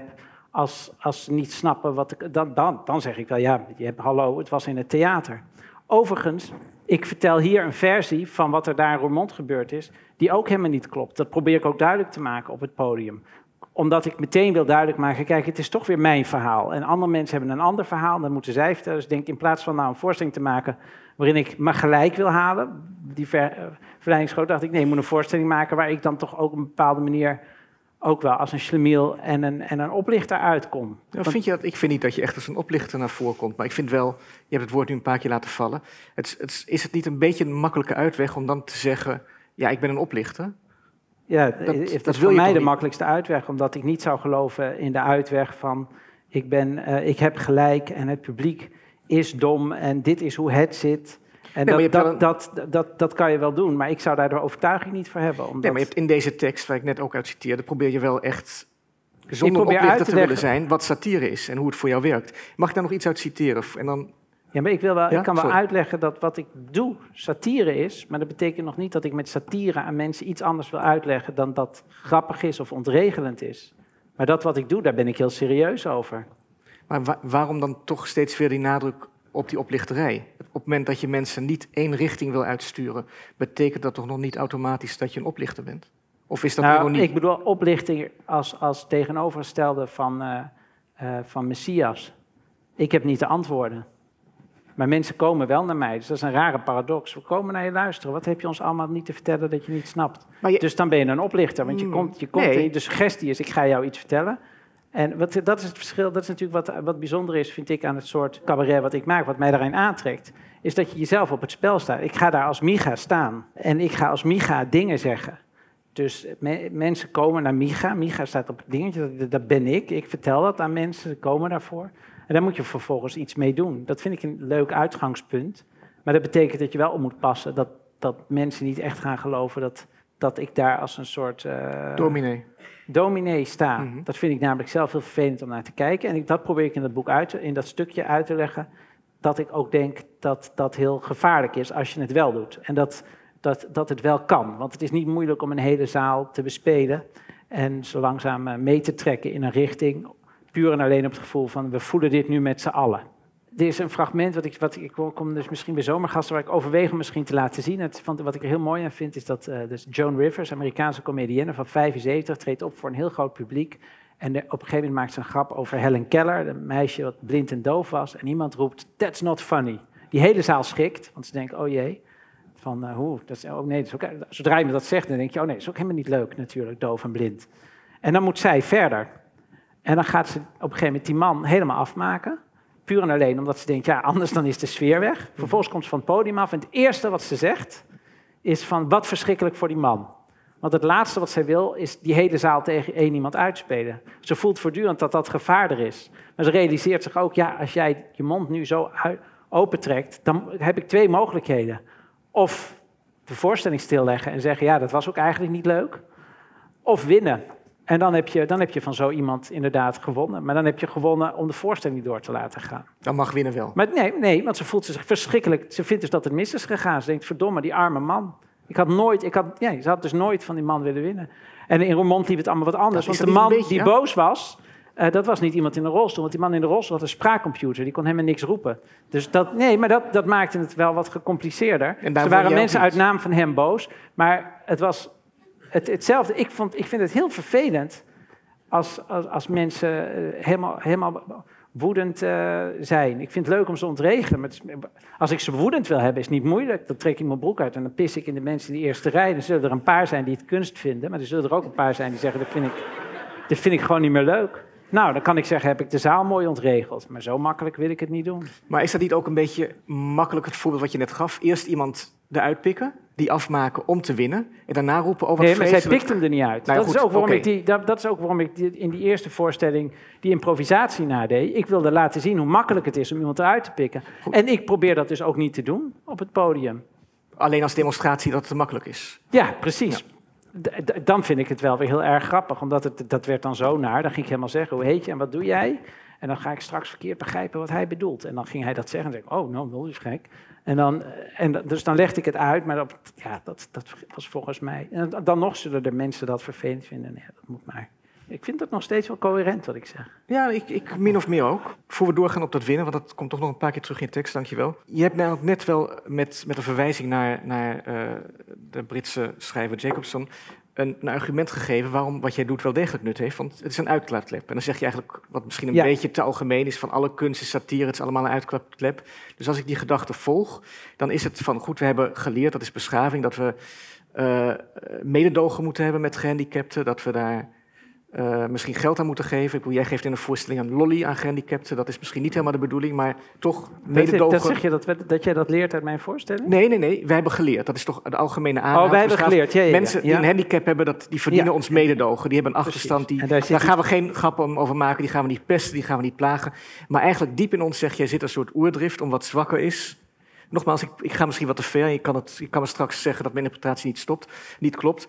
Omdat... Um, te willen overwinnen, te willen vernietigen misschien wel, te willen ruïneren. Dus eindelijk die uitlaatklep, die mensen lachen, omdat zij denken van eindelijk zegt iemand dit over gehandicapten. Misschien heb je gelijk, er zitten verwijzingen naar Wilders, naar Verdonk, dat doet er allemaal niet toe. Eindelijk een soort lach van opluchting, iemand zegt het. We mogen eindelijk gehandicapten uitlachen. Nee, dat, van mij mag dat ook eindelijk. En dat vind ik ook, dat, dat, dat mag op, op het podium kan dat. Als je dat nee, Ik hoop niet dat het gehandicapten uitlachen is. Ik hoop nogmaals dat het lachen is om inconsequenties. Dat, dat je laat zien dat iemand sparen, dat dat heel paternalistisch is. En dat dat eigenlijk misschien nog wel beledigender is dan iemand niet sparen. Dat, dat is leuk om mee te spelen. Maar een van de redenen waarom ik dit geschreven heb, is omdat bij mij heel erg het gevaar op de loer ligt om uh, dit soort theorieën op het podium te gaan verkondigen. En dat zit heel erg in de weg, vind ik, van een leuke voorstelling en van een goede voorstelling. Dus dacht ik, het is vaak dat ik vlak voor dat ik een voorstelling maak, een opiniestuk schrijf, opeens een serieus stuk schrijf. Dan ben ik, dan ben ik daarvan af. Dan kan ik me weer concentreren op wat ik grappig vind, uit een koelkast komen. En dan achteraf kan ik er wel weer naar kijken. En dan kijk ik vanaf een afstandje, klopt dit met de regels die ik voor mezelf heb? Maar ik moet heel erg oppassen om niet een voorstelling te maken vanuit. Ik, ga, ik heb een opvatting over satire en daar bedenk ik grappen bij, want er komt er niets. Dat begrijp ik. Maar dan heb je ook deze lezing geschreven, die geen voorstelling was. En daar zeg je dan nog iets over dat spelen en dat winnen. En ik citeer weer. Ik ga daarbij, daarbij vanuit dat mijn publiek snapt dat ik een spel speel. Dat speel ik in het theater of op het papier van een tijdschrift. Op het kaartje staat cabaret. Boven mijn stukje staat column. Maar om het spel te winnen, we hebben dat winnen weer, moet ik er iedere keer weer alles aan doen om mijn publiek te laten vergeten dat we spelletjes spelen. Ja. Dus dat is hoe het mechanisme werkt. De mensen moeten een beetje vergeten dat het een spelletje is. Op het moment dat ze het echt vergeten, zoals in Roermond, is dat ook niet de bedoeling? Nou, dat is helemaal niet erg. Maar als het dan door serieuze kranten en weldenkende mensen over wordt genomen alsof dat ook echt geen spelletje is, dan wordt het raar. Ik vind het helemaal niet erg als je een film uitkomt en dat je denkt van, uh, uh, wat is dat een ongelooflijk nare man. En dat je dan later denkt, dat is natuurlijk alleen een acteur en het was maar een film. Dat mag voor mij zo lang mogelijk in mijn hoofd blijven. Liever nog, dat is voor mij heel ernstig maar als, dan, als ik dan de krant opbel en dat ik zeg, nou sorry, maar ik heb nu, ik heb, nu heb ik naar de Sopranos gekeken en dat moet van het net af. Want wat die Tony Soprano nou vorige week heeft in hoer doodgeslagen en nu is het gewoon klaar. En als dan de krant dat heel groot brengt, van het, dat is nu echt uit de hand gelopen, dan ga ik me zorgen maken. Dan krijg je een soort alsof, alsof het stichtelijk bedoeld is. Dat is onzin. Het is juist de bedoeling dat dat wat er in de serie gebeurt, dat is in de serie. En ik vind het wel heel spannend als mensen over die grenzen heen gaan. Dat, is, dat, is altijd, dat, is, dat zijn hele spannende gebieden.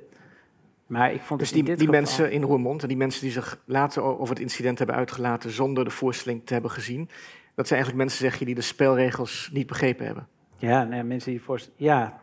Er zijn bepaalde spelregels, die moet je even vergeten, maar niet helemaal. Ja, het, is voor mij, het, is, het verbaast me zo dat dit überhaupt een. Uh...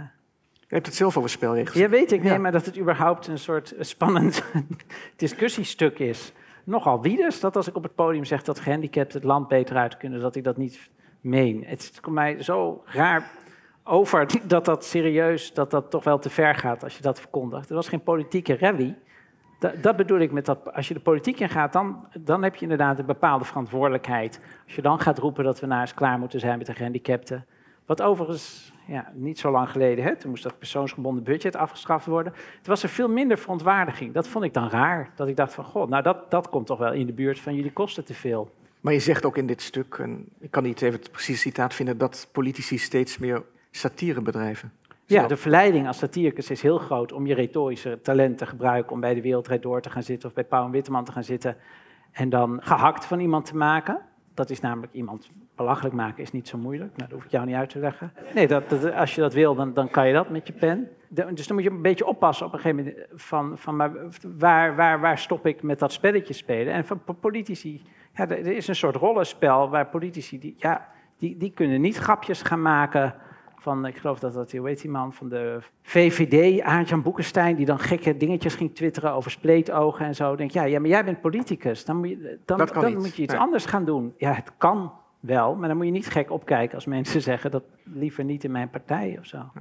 Maar ook jij zegt in dit stuk, en, en ik denk dat je dat heel erg meent, dat uh, een satiricus eigenlijk ook per definitie een zelfhater is, omdat hij nooit tevreden is met zijn beroep. Niet met wat hij doet, maar met wat niet hoe, met hoe hij het doet, maar met wat hij doet. En je schrijft dan ook, diep van binnen wil iedere satiricus filosoof zijn. En ik heb dat niet opgevat als ironie, maar als...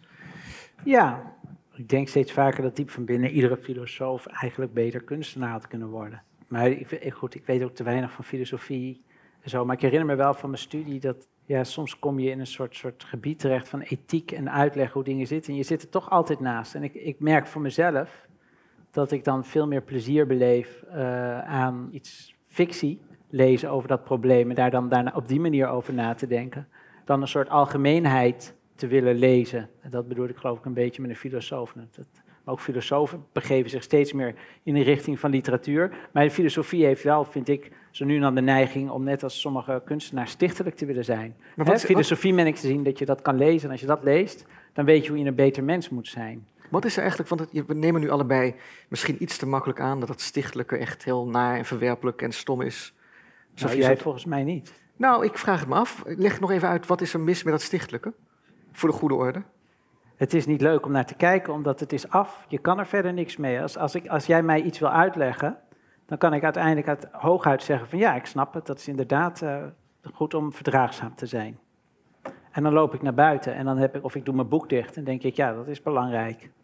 Daar heb ik niks aan gehad. Je kan het wel doen en soms is het ook helemaal niet erg. Het is soms ook wel leuk dat, dat iemand dat zegt. Hè? En ik denk misschien dat, dat, dat, dat het soms ook heel... Als ik een column schrijf en ik kom er niet uit... dan heb ik nog wel eens dat ik denk van... nou weet je wat, dan ga ik maar eens een keertje uitleggen... dat die en die een ongelofelijke flapdrol is. zijn de columns waar ik het meeste reacties op krijg. Van mensen zeggen, nou, eindelijk dat je dat zegt. En ik denk dan altijd, hè, ik had die week gewoon geen inspiratie... en toen heb ik het makkelijkste gedaan wat er was...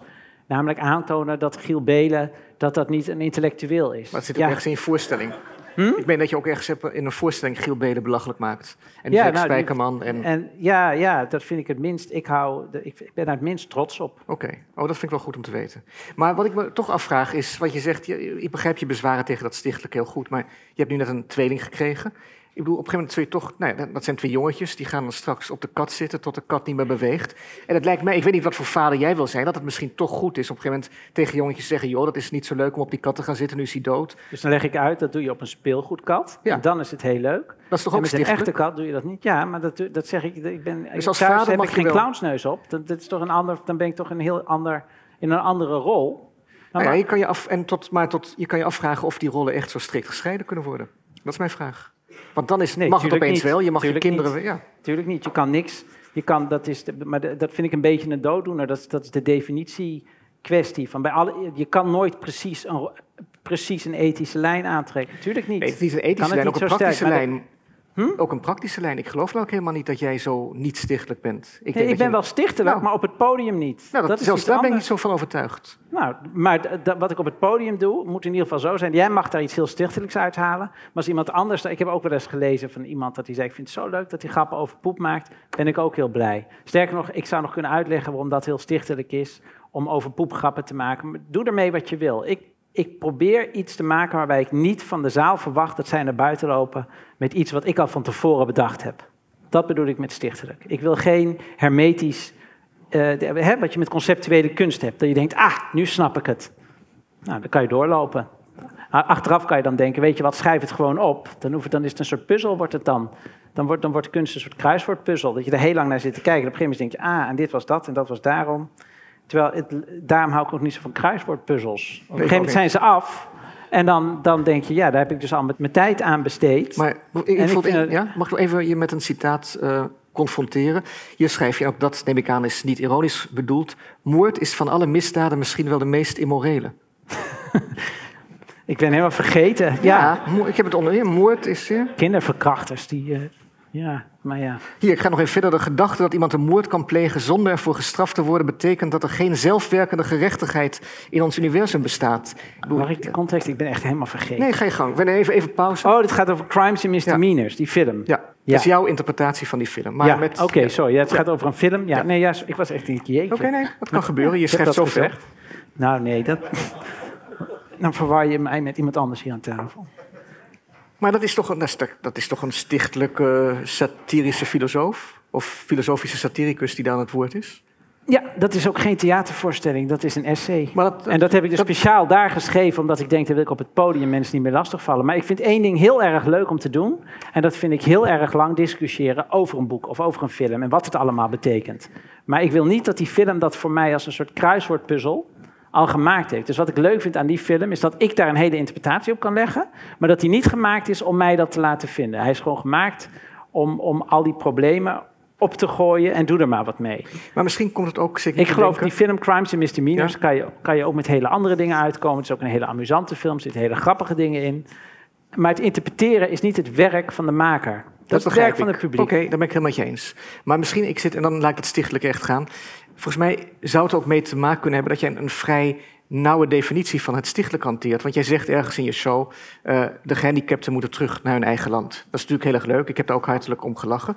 Maar je kan ook afvragen, je kan je ook afvragen, misschien vind jij dat immoreel, moet er een land voor gehandicapten komen? Dus je kan, als we het echt over het serieus nemen van wat je zegt... Dat mag je ook doen, alleen op het podium ga ik die discussie niet met de zaal Nee, dat begrijp ik. Maar, als, jij dat afloop wil doen, vind ik dat hartstikke leuk. Oké. Maar het, zou het immoreel zijn, een land voor gehandicapten? Als we zeggen Friesland, alle gehandicapten naar Friesland, of een provincie? Dat zou toch heel moreel zijn? Dat is dan de althans volgens de, ja, is, Maar zou je er tegen zijn?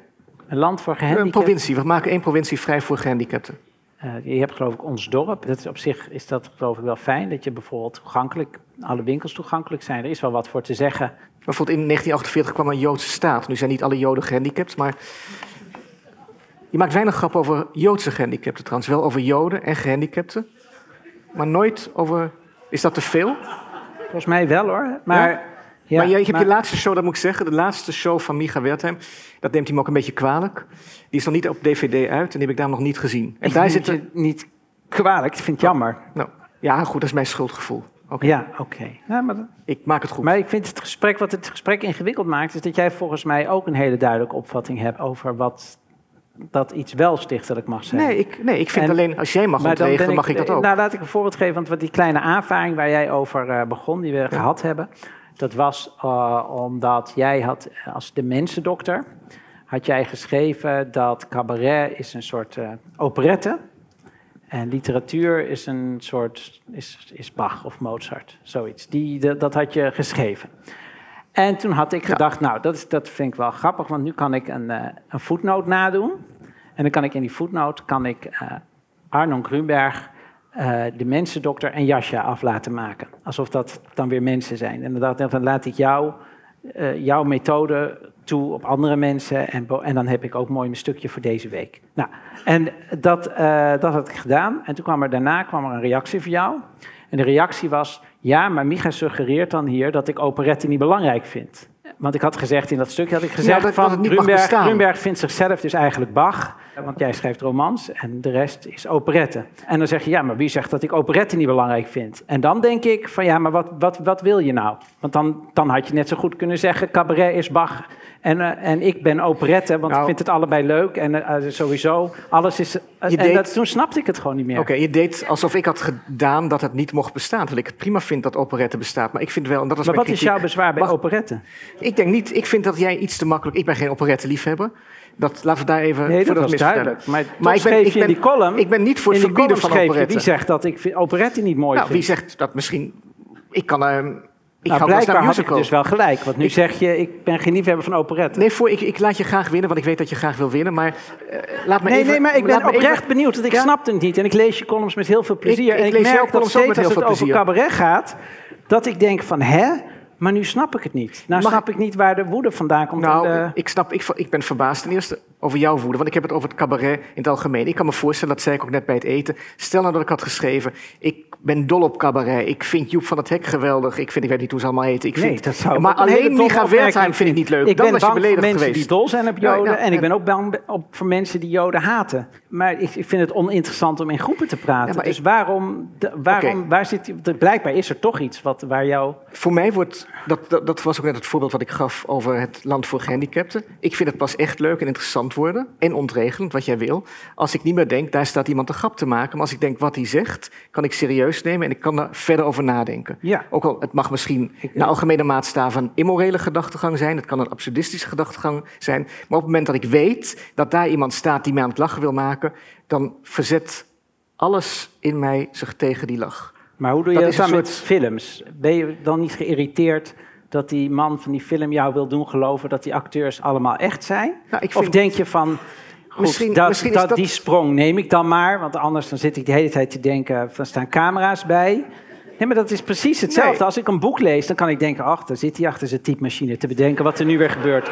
Ik, dat, ik wil juist, bij, bij, bij al die, ik snap niet waarom dat bij opeens een probleem is bij cabaret en bij Nou, omdat, andere dingen omdat je het niet, ik heb niet, het gaat niet, we hebben het over effecten. En we hebben niet op het moment dat jij een boek leest, dan, ik bedenk ook niet, tenzij het heel slecht geschreven is, oh wat, hoe heeft hij dit geschreven? Natuurlijk ga ik mee. ja, maar slecht cabaret, daar ben ik helemaal met je eens. maar het slecht gedaan op vind ik moment, maar dat, we gaan zo ook nog naar een fragment kijken, wat misschien een aardig voorbeeld is. Op het moment dat, dat iemand voor een zaal staat.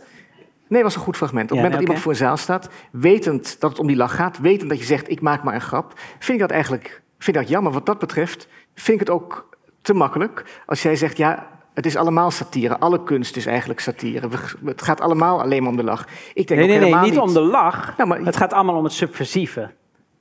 Ah, dat is nu de eerste keer dat je dat woord laat vallen. Gelukkig dat ik daar dan naartoe Dus het kom. gaat niet om een lach, maar het dus een, de, de Cabaret zaal- gaat voor mij ook niet om de lach. Dus Cabaret mogen- is natuurlijk is gewoon een woord wat iemand op een gegeven moment ergens op heeft geplakt. En waar ik dan ook eh, gebruik van maak, dat mensen een beetje weten waar ze heen gaan. Maar als, als, als het echt een recept zou zijn voor iets dat af was, dan zou ik het niet meer hoeven maken. Je maakt toch iedere voorstelling maak je opnieuw. Een roman is toch Ja, ook... maar tuurlijk. Maar dat, dat betekent nog niet dat het subversief is. En ik vraag me dan ook af, stel dat een zaal 90 minuten lang, of nou, zo'n voorstelling duurt 90 minuten lang, stil in die zaal zit, geen moment lacht. Heb jij dan niet het gevoel van, hm, dit was wel de bedoeling? Zou niet, Ik Ook probeer een voorstelling zo te maken dat ik hem helemaal kan maken zonder lach. Dus dat, dat het verhaal zo in elkaar zit dat ik geen één opmerking heb die steunt op huh, huh, en dat ik dan zonder huh, huh niet door kan. Het, ik zeg niet dat dat me lukt, maar dat is wel het maar uitgangspunt. vind je jouw voorstellingen echt verhalend?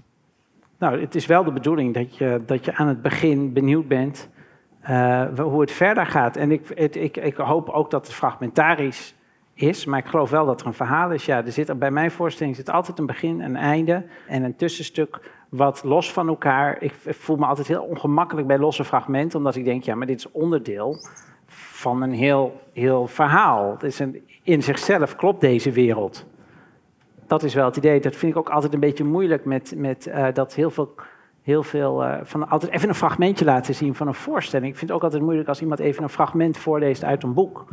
Je- Ik, ik had graag je hele voorstelling laten zien, maar dat Nee, nee, nee, dat neem ik niet als bezwaar. Nee, nee, nee. Maar eh, wat je dus eigenlijk zegt, dus als je zegt wat ik tegen cabaret heb, is dat, er zo, dat als het slecht is. Nee, wat ik tegen cabaret heb, is, en dat is toch iets anders dan als je een roman leest, is dat je heel erg het gevoel hebt dat het om die grap gaat. En nogmaals, er zijn heel veel cabaretvoorstellingen die ik niet heb gezien. Nou, als ik romans lees, heb ik, het is geloof ik een citaat van Hermans, een Nederlandse roman, is twee mensen iets meemaken, afgewisseld met uitgebreide eh, beschrijvingen van het weer. Ja, maar ik, heb, ik vind En het dat, prima. dat Jij heb mag ik soms tegen, bij een roman. Jij mag iets dat tegen romans hebben. Nee, maar ik heb niks tegen Ik romans, maar wel tegen slechte romans. Daar, Nou, waar mij om ik- gaat, is dat ik niet snap. Ik ben ook niet dol op musicals, maar er zijn een paar musicals die ik fantastisch vind. Ik ook. En sterker nog, omdat het medium riskant is en omdat het medium op het randje van kitsch zit of iets doet met een zaal bespelen, omdat het riskant is, omdat je op een grens zit, vind ik het heel spannend om het dan wel te laten lukken. Ik vind dat een uitdaging om, er, om naar iemand toe te gaan waarvan je weet hij gaat me aan het lachen maken, dus dat gaat niet lukken, want dat is echt verschrikkelijk. En als het dan toch lukt, wat bij mij heel vaak niet lukt, maar als het dan toch lukt, dan vind ik dat dan, dan, ben ik verrast en dan, dan heb ik een hele mooie avond. En dan op dat moment hou ik van cabaret. En ja, ik kan je, ik, eh, als, het, als het dat niet is, ja, maar hoe laat dat het dan niet leuk is? Want het is niet leuk. Het is een soort cirkelredenering. Het, en het, ja, het verbaast me toch dat, je dat, dat dat zo vanzelfsprekend is. En geen wonder dat ik dat wil verdedigen, omdat ik denk, ja, ik maak dat. En als iemand dan gaat lopen verkondigen, dat, dat is niet interessant. Dat dan denk ik, ja, ik zou het wel leuk vinden als er mensen naar mij toe komen. Dus als iemand verkondigt niet durft. En bovendien heb ik geen zin om mij een definitie, dat iemand mij een soort definitie aanschrijft van wat ik ben, terwijl ik dat helemaal niet ben. Dus dan is het mijn taak om, je bent toch een cabaretier, of niet? Wat? Je bent toch een cabaretier? Ja, maar ik ben geen slechte cabaretier. Nee, nee, nee. Dat... nee. Mag ik nog het, een fragment? Vragen mensen allemaal zo'n roze linkje. En uh, ja, dat is heel slim, want je hebt bijvoorbeeld AIDS, daar is maar een dag voor. Um, maar daar, daar, hadden mensen natuurlijk ook een rood lintje voor in huis. Nou, je wast hem vier keer en je kan hem gewoon ophouden. En dan is het tegen borstkanker. Maar, nee, maar ik heb schildklierkanker gehad. De prognose voor schildklierkanker is beter dan die voor borstkanker. Dus dan zou ik zeggen, als je ergens reclame voor gaat maken, doe het dan voor schildklierkanker. Maar tijdens de maand van de borstkanker hing de hele stad vol. Ik weet niet of mensen zich dat herinneren. De laatste maand, ik weet niet wat ze, wat ze volgende keer doen. Hele grote poster. Met daarop een, ja, de, romp van een naakte vrouw. Je zag haar hoofd, zag je niet. Maar gewoon naakte borst. Uh, hele ja, mooie borst. En, uh, en voor de andere borst had ze dan een tijdschrift, een glossy tegen borstkanker. Dat schijnt te helpen, ja, dat wist ik ook niet. maar dat was gewoon, ja, een hele mooie vrouwenborst die gewoon door de hele stad hing. En het gekke is dat ik op een gegeven moment door de stad liep. En ik, ik vergat waarschijnlijk even dat dat een hele ernstige actie was. Maar op een gegeven moment zie ik dat ik midden op straat die poster staat te strelen.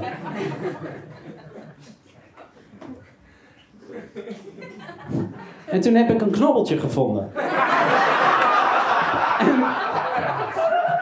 En daar ben ik zo van geschrokken dat. Uh, ja, wat moet je doen? Toen ben ik naar huis gegaan. Ik heb uitgezocht wie dat fotomodel was. Ik heb opgebeld. Ik zeg: Hallo, je spreekt met Micha Wertheim. Er is geen enkele reden tot paniek. En, uh, dan weet ze hoe. Ik, ben, ik, moet, ik, moet, even een anekdote vertellen. Ik was hier een maand geleden. Toen heb ik Edgar Kerret geïnterviewd. Of misschien vier maanden geleden, weet ik dan niet meer. Sinds ik twee dingen heb, ben ik ieder geval voor tijd en ruimte kwijt. En toen liep ik naar buiten. Toen kwam er een meisje op me af, een heel mooi meisje. En zei, ja, ja, ja, ja, ja, ik wil toch even zeggen. Maar die, dat was mijn borst op die posters. en uh, ik zat ernaar te kijken en ik dacht, uh, nou... En toen heb je een nummer gekregen? Of is, het, is er nog een vervolg? Of dat nee, er is geen vervolg. Okay. Maar op het podium zou dat zomaar kunnen. Omdat je op het maar podium... Waarom, waarom laat je dit zien? Want... Omdat, uh, ik vond het interessant vanwege... omdat je echt die ziek, ziek bent geweest. Het gebruik van ja. je eigen autobiografie. Maar dat is een beetje wat ik bedoel. Dat, het cabaret heet Micha, Micha, Micha. En tegelijkertijd is het Micha niet. Dat is een, een, rare spanning. Je gaat mensen vertellen wie je bent. En ik ga ervan uit dat wat voor beeld je ook geeft van jezelf aan mensen, dat geldt voor iedereen, het is altijd een beeld wat je op dat moment kiest. Er zijn heel veel, heel veel mensen die je bent. Je, die, jij bent misschien hier de schrijver en morgen bij de tandarts ben jij patiënt. En dan, dan ben jij dat. En dan is mhm. misschien zelfs, nou goed, soms neem je een beetje mee van het ene. Nou, dat, dat gegeven vind ik een spannend gegeven voor mezelf, omdat ik denk van, ja, wie ben ik? En wat dus dan vind ik het leuk om op het podium daarmee te spelen. Dat trekt mij in deze vorm. Dat ik het steeds weer spannend vind om dan het, het beeld van mezelf te herdefiniëren. Dat bedoel ik ook met veranderen. Dus mensen ik vertel dat ik kanker heb gehad. Ik heb ook heel erg geaarzeld. Heel lang heeft het geduurd voordat ik die voorstelling wilde maken. Want ik was heel erg bang voor een soort autobiografisch verhaal. Dat mensen na afloop op me af zouden komen. En zouden zeggen, ik ben zo blij dat je er nog bent. Dan denk ik, nee, die voorstelling moest zo worden... dat het er eigenlijk niet meer toe deed of ik nou wel of niet kanker had gehad. Ik had liever dat mensen na afloop zeggen, heb je dat echt gehad? En dat, dat dat er niet meer toe doet, omdat de voorstelling zelf op zichzelf staat. Tuurlijk heb ik mezelf als uitgangspunt genomen en sta ik op het podium. Maar zo wil ik het maken. Dat is voor mijzelf belangrijk. Mogen ze ook zeggen, jammer dat je er nog bent? Nou, vind ik niet zo leuk. Maar die mailtjes zijn er wel geweest. Ja, tuurlijk mogen ze dat zeggen. Maar trek je dat aan? Wat? Trek je dat aan of moet je daarom lachen? Is dat materiaal? Denk je dat is... vanaf in welke context dat gebeurt. Als jij het nu zegt, dan vind ik het niet zo erg. Nee, dat begrijp ik maar. Nou ja, dat, is, dat staat zo. Ik weet nog, ik had een keertje een optreden gehad ergens... waar, uh, waar inderdaad dan de, de, commissie van dat theater inderdaad een mailtje had gestuurd aan mijn impresariaat. En er zat per ongeluk zat er nog een mailwisseling voor... En daar stond dan inderdaad in dat ze hadden gezegd dat ze het zo schandelijk vonden dat ze eigenlijk maar hoopten dat het echt jammer was dat ik aan die ziekte niet was doodgegaan of zo. Of dat ik zoiets raars.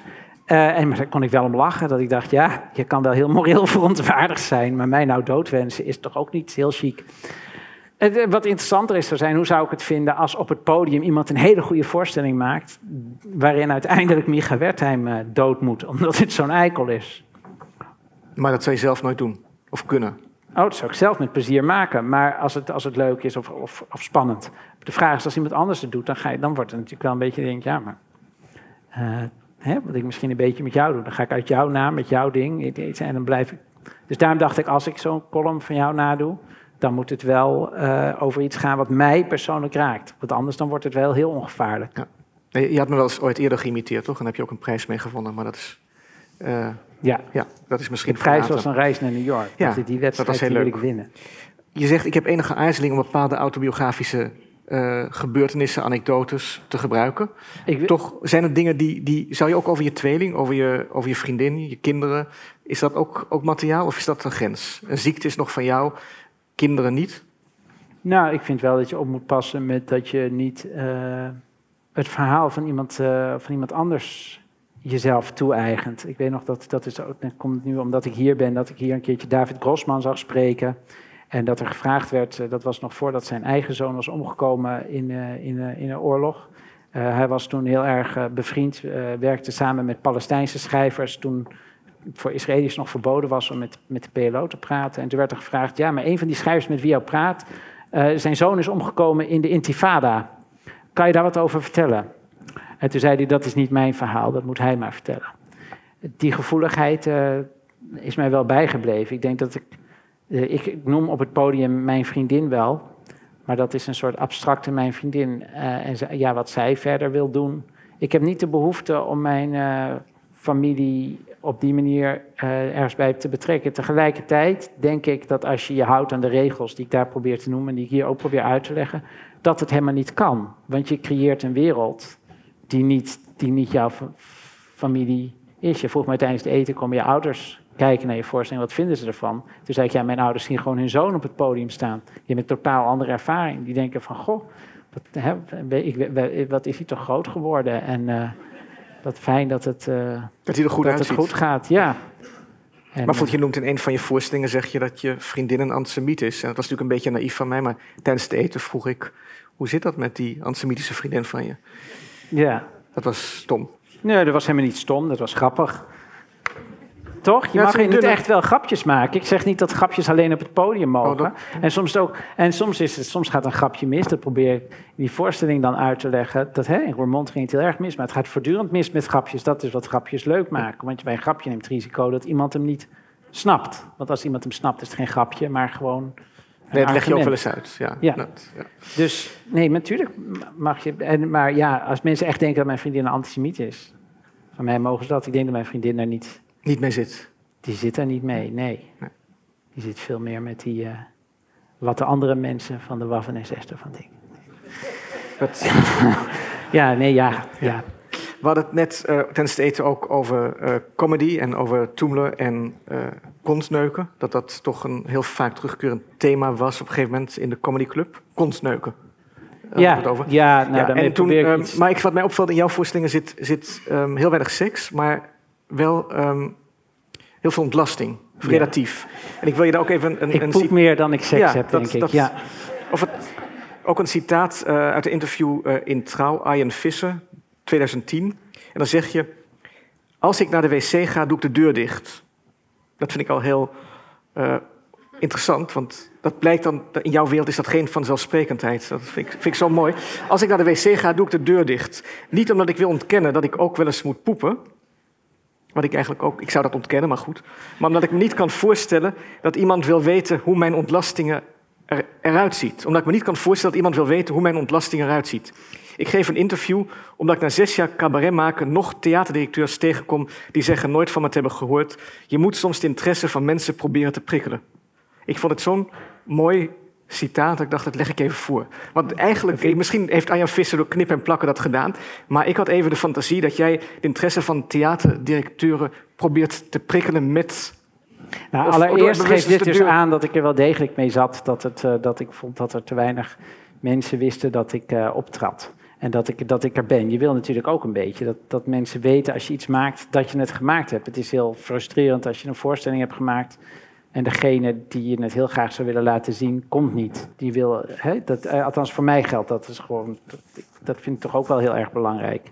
En wat ik bedoelde in dat interview te zeggen, volgens mij, is: ik wil best een interview geven, maar ik heb niet heel erg de behoefte om in dat interview uh, dan meteen mijn hele familiegeschiedenis en uh, hoe ik als kind uh, dit had meegemaakt en dat had meegemaakt, om dat dan op tafel te leggen en dat mensen dan denken van, goh, wat een sympathieke jongen eigenlijk, laten we daarom naar zo'n voorstelling gaan. Ik wil het wel, ik, ik wil mensen naar mijn voorstelling gaan vanwege de voorstelling en niet vanwege van, uh, dat is die jongen die we kennen van tv, of dat is die jongen die toen dat verschrikkelijk die kanker heeft gehad en hij is er nog en laten we daar maar eens heen gaan.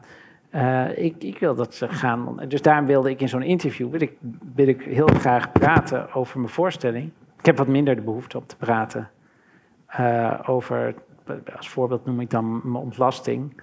Maar gewoon, ja, niet alles hoeft iedereen te weten, omdat ik het niet interessant vind. En ik denk dat de paradox een beetje is, omdat veel voorstellingen uitgaan van wat ik bedacht heb, ben ik ook een beetje zuinig op dat materiaal. Want ik denk dat, ik kan het nu vertellen aan jou, de interviewer, maar misschien moet ik daar nog eens een voorstelling over maken. Dus het zorgt bij mij ook, uh, dit is niet helemaal eerlijk voor mij natuurlijk. Ik kan, kan de interviewer niet kwalijk nemen dat hij dat wil weten, maar ik denk dan soms van ja, dat verhaal moet ik op mijn manier nog eens vertellen. Want als ik het nu vertel, dan ga jij het opschrijven en dan is dat niet het verhaal zoals ik het het liefst zou willen liggen. Ik kan me herinneren, maar misschien is dat een, een foutieve herinnering. Toen maakte het relatief veel indruk op me. Dat je in 1994, je weet wat ik nu ga zeggen. Ja, Vind je het oké? Ja, ja, het stond in de, in de VPRO. Okay. Nou ja, maar dat zijn de mensen alweer vergeten. In 1994 zei tegen mij, Joden zijn mensen die bij het poepen de deur niet dicht doen. Dat heb ik niet gezegd. Ik wil je wel vertellen wat ik gezegd heb. Ja, zeg dat, kan je dat ik heb gezegd, we hadden het. Jij, jij was toen ook wel benieuwd of ik kosher was, herinner ik me. En of ik dat, hè, dat ja. vroeg je toen. of je besneden was. Ja, precies. En toen, dus toen vertelde ik dat een beetje. En toen probeerde ik uit te leggen over mijn uh, familie. Uh, dat ik dus dacht dat alles wat wij deden, dat dat, dat Joods was. En als je thuis naar de wc gaat, dan doe je soms de deur niet op slot. Zeker als je kinderen hebt van vier. Ik denk dat mijn moeder soms wel eens op de wc zat zonder dat de deur op slot. Dus dan dacht ik van dat is typisch Joods om dat te doen. Dat is wat ik ermee bedoelde. Ik heb nooit gedacht, ik heb nooit in alle ernst gedacht dat Joden niet uh, uh, de deur op slot doen. Ik probeerde daar juist mee aan te geven. Dus ik was ook een beetje verbaasd toen je dat herhaalde van, uh, ja, ik herinner me nog dat Micha dat tegen me zei. Dat ik dacht, ja nee, ik bedoelde nou net te zeggen, wat een ongelooflijk raar idee dat is om te denken dat Joden zo bijzonder zijn. Maar alles wat bijzonder was in mijn familie, daarvan ging ik er als kind vanuit. Dat zal dan wel zijn omdat wij Joods zijn. Maar dat is iets anders. Ik hoop dat dat het was. Maar misschien uh, heb ik dat achteraf verzonnen en heb ik echt in Maastricht verkondigd dat Joden de deur niet, uh, de deur niet op slot ik, ik, ik, ik verander ook wel eens van mening. Maar dit, uh... In 2009 zei je bij Pauw en Witteman... het enige doel wat ik heb is een leuke voorstelling maken... anders ga ik wel college geven. En als ik nu zo naar je luister, denk ik dat klopt... maar eigenlijk ook maar ten dele. Want je wil veel meer dan een leuke voorstelling maken. Dus je, je doet je soms bescheidener of dommer voor dan je bent... om bepaalde effecten te bereiken? Nee, ik probeer te voorkomen dat het een lezing wordt. En ik denk dat, uh, dat dat wat zegt over wat er uiteindelijk voor voorstelling uitkomt. Dus er zit, natuurlijk zit dat daarachter. En ik denk dat dat er misschien voor zorgt dat, een voor, dat mensen, sommige mensen mijn voorstellingen leuk vinden. Omdat ze voelen dat, dat, dat ik allemaal dingen wel zou willen vertellen. Maar ik heb dat gemerkt... Hm? Eigenlijk ben je continu die filosoof, de romanschrijver die je ook wellicht zou kunnen zijn. Je hebt een paar kinderboeken geschreven, Duimelot. Hoe Lima een lekker band kreeg. Duimelot zijn versjes, duimversjes. Hoe Lima een lekker band kreeg is over een driewieler die zelf het pad kreeg. op pad ging. Dus die neiging onderdruk je continu en die innerlijke tweestrijd, dat is wat mensen zien op het podium? Dat jij denkt van ik wil eigenlijk mensen uitleggen, ik wil hoe, de wereld in elkaar zit. Het is een beetje, ik, geloof, ik weet bij God niet wie is. Misschien ken jij het citaat. Ik, ik, het zou Picasso kunnen zijn dat hij zei van een, een kunstwerk is dat je iets naprobeert te maken, dat het dan mislukt en de manier waarop het mislukt, dat is wat jou origineel maakt. dat vind ik wel een mooie citaat, omdat het ook meteen uitlegt wat kitsch is. Dat is namelijk dat het heel goed gelukt is. Dat je zegt, goh, wat knap. En het, het, het is bijzonder. Iemand zijn handschrift is mooier. Ik vond altijd dat ik een heel lelijk handschrift heb, omdat ik altijd jaloers was op meisjes die heel mooi met rondjes erop schrijven. Inmiddels ben ik wel gehecht aan mijn handschrift, want al mijn vrienden kunnen mijn brieven niet lezen, maar ze zien wel meteen dat die van mij is. Ik denk dat dit daar op een bepaalde manier ook mee te maken heeft. Je, ja, ik heb dat, het feit dat ik probeer geen lezing te geven, dat zal ongetwijfeld meekomen in mijn voorstelling. Maar ja, ik, ik, probeer daar niet niet al te bewust te zijn. Het feit dat ik daar zo mee bezig ben, ja, maar hoe laat dat dat dan ergens er doorheen zijpelt. Geef je thuislezingen tegenover je vriendin? Ga je haar de wereld uitleggen hoe je in elkaar zit of hoe een grap werkt? Of al die neigingen die je hebt? Oh ja, ik ben thuis. Heb ik mijn onhebbelijke momenten. Niet alleen, ik ben niet alleen mijn vriendin hoor, kom bij mij thuis. Maar ook met vrienden. Soms dan draaf ik heel erg door. Dan wil ik gelijk hebben en uitleggen hoe iets zit. En dan, uh, maar dan, ik vind dat niet mijn sterkste eigenschap. Dus ik denk dat uh, heel zo nu en dan uh, schrijf ik dan een boekje of een stuk. En dan denk je, nou, dit vind ik dan wel leuk om op te schrijven. Maar ik ben daar dan ook wel ambivalent over. Omdat ik altijd denk van ja, maar misschien dat ik het morgen toch weer heel anders zie. ik vind mezelf daar gewoon niet goed genoeg voor. Ik, wat dat betreft ik, de, de, betwijfel ik dan heel erg. Ik kan wel heel overtuigd zijn van iets. Maar ik vind het toch leuker om dan mezelf weer onderuit te halen. En dat laat ik dan liever zien. Al was het maar omdat ik dan voorkom dat andere mensen me onderuit halen. Dus je het preventief zelf onder, auto onderuit halen? Ja, maar niet, het is niet uit angst hoor, maar omdat, ik, dat is gewoon, dat omdat het nogal logisch is. Nou, het is meer van, ik kan beter geen onzin verkondigen. Nou, dan blijft over grappen. Waarom is het een slechte eigenschap om altijd gelijk te willen hebben? Om te willen winnen, als het dat is, als dat hetzelfde is? het is geen slechte eigenschap, maar als ik, naar, als ik iets, een voorstelling zie of zo, dan wil ik daar niet meer lastiggevallen worden. Dan wil ik niet dat de maker bij mij zijn gelijk wil halen. Ik wil met rust gelaten worden. Die maker mag wel al zijn obsessies hebben, sterker nog. Die obsessies die, die, die druipen door in zijn werk. En dat is, maar zodra je hem door begint te krijgen, dan wordt het heel vervelend. Dus de, de, kunst is denk ik ook voor de schrijver om een beetje uh, en dat is voor een maker ook, te zorgen dat mensen het net niet helemaal doorkrijgen. En op het moment dat dat je niet meer lukt, ja, dan moet je iets anders gaan verzinnen. Is dat maar het is natuurlijk idioot alsof je ooit jezelf wel helder zou kunnen definiëren. Dat lukt toch niet, dus wat dat betreft zit ik wel goed. Maar is dat, ik wil eigenlijk net vragen, is dat waarom je jezelf een oplichter noemt? Omdat jij jezelf wel doorhebt? Kijk, ik noem mezelf geen oplichter omdat ik vind dat wat ik maak allemaal troep is. Nee, nee, dat begrijp ik. Ja, ja. Maar? Ja, ja, dus ik noem mezelf, daarom noem ik mezelf een oplichter. Omdat je weet hoe het werkt. Omdat je net zei, we hadden het over goochelen. Een goochelaar. De beste oplichter zegt, ik ga je nu oplichten. En dat je denkt, oh, daar trap ik dan niet in. En dan kom je thuis, is je portemonnee toch weg. Nou, dan moet je achteraf, dan kan je denken, ik ben mijn portemonnee kwijt, maar dat heeft hij goed gedaan. Zo'n soort oplichter zou ik wel willen zijn. Maar dan niet met je echte portemonnee, maar op het podium. En dan bij de, bij de vestibule mag je je portemonnee weer ophalen. Met deze woorden, en dat is ook waar, u kunt bij eh, de vestibule mm portemonnee straks ophalen. Die liggen er allemaal, uw mobiele telefoon ook. Wil ik dit, mijn gesprek afsluiten met Micha? Dank u wel. Dank u wel. Bedankt voor het luisteren naar Arnon Grunberg ontmoet vanuit de Bali. Wil je er nou een keer zelf bij zijn bij zo'n gesprek? Van Schrijf je dan vooral in voor onze nieuwsbrief of volg ons op de socials, zodat je als eerste hoort wanneer het weer zover is. Over twee weken weer een nieuwe aflevering. En dan hoor je dit.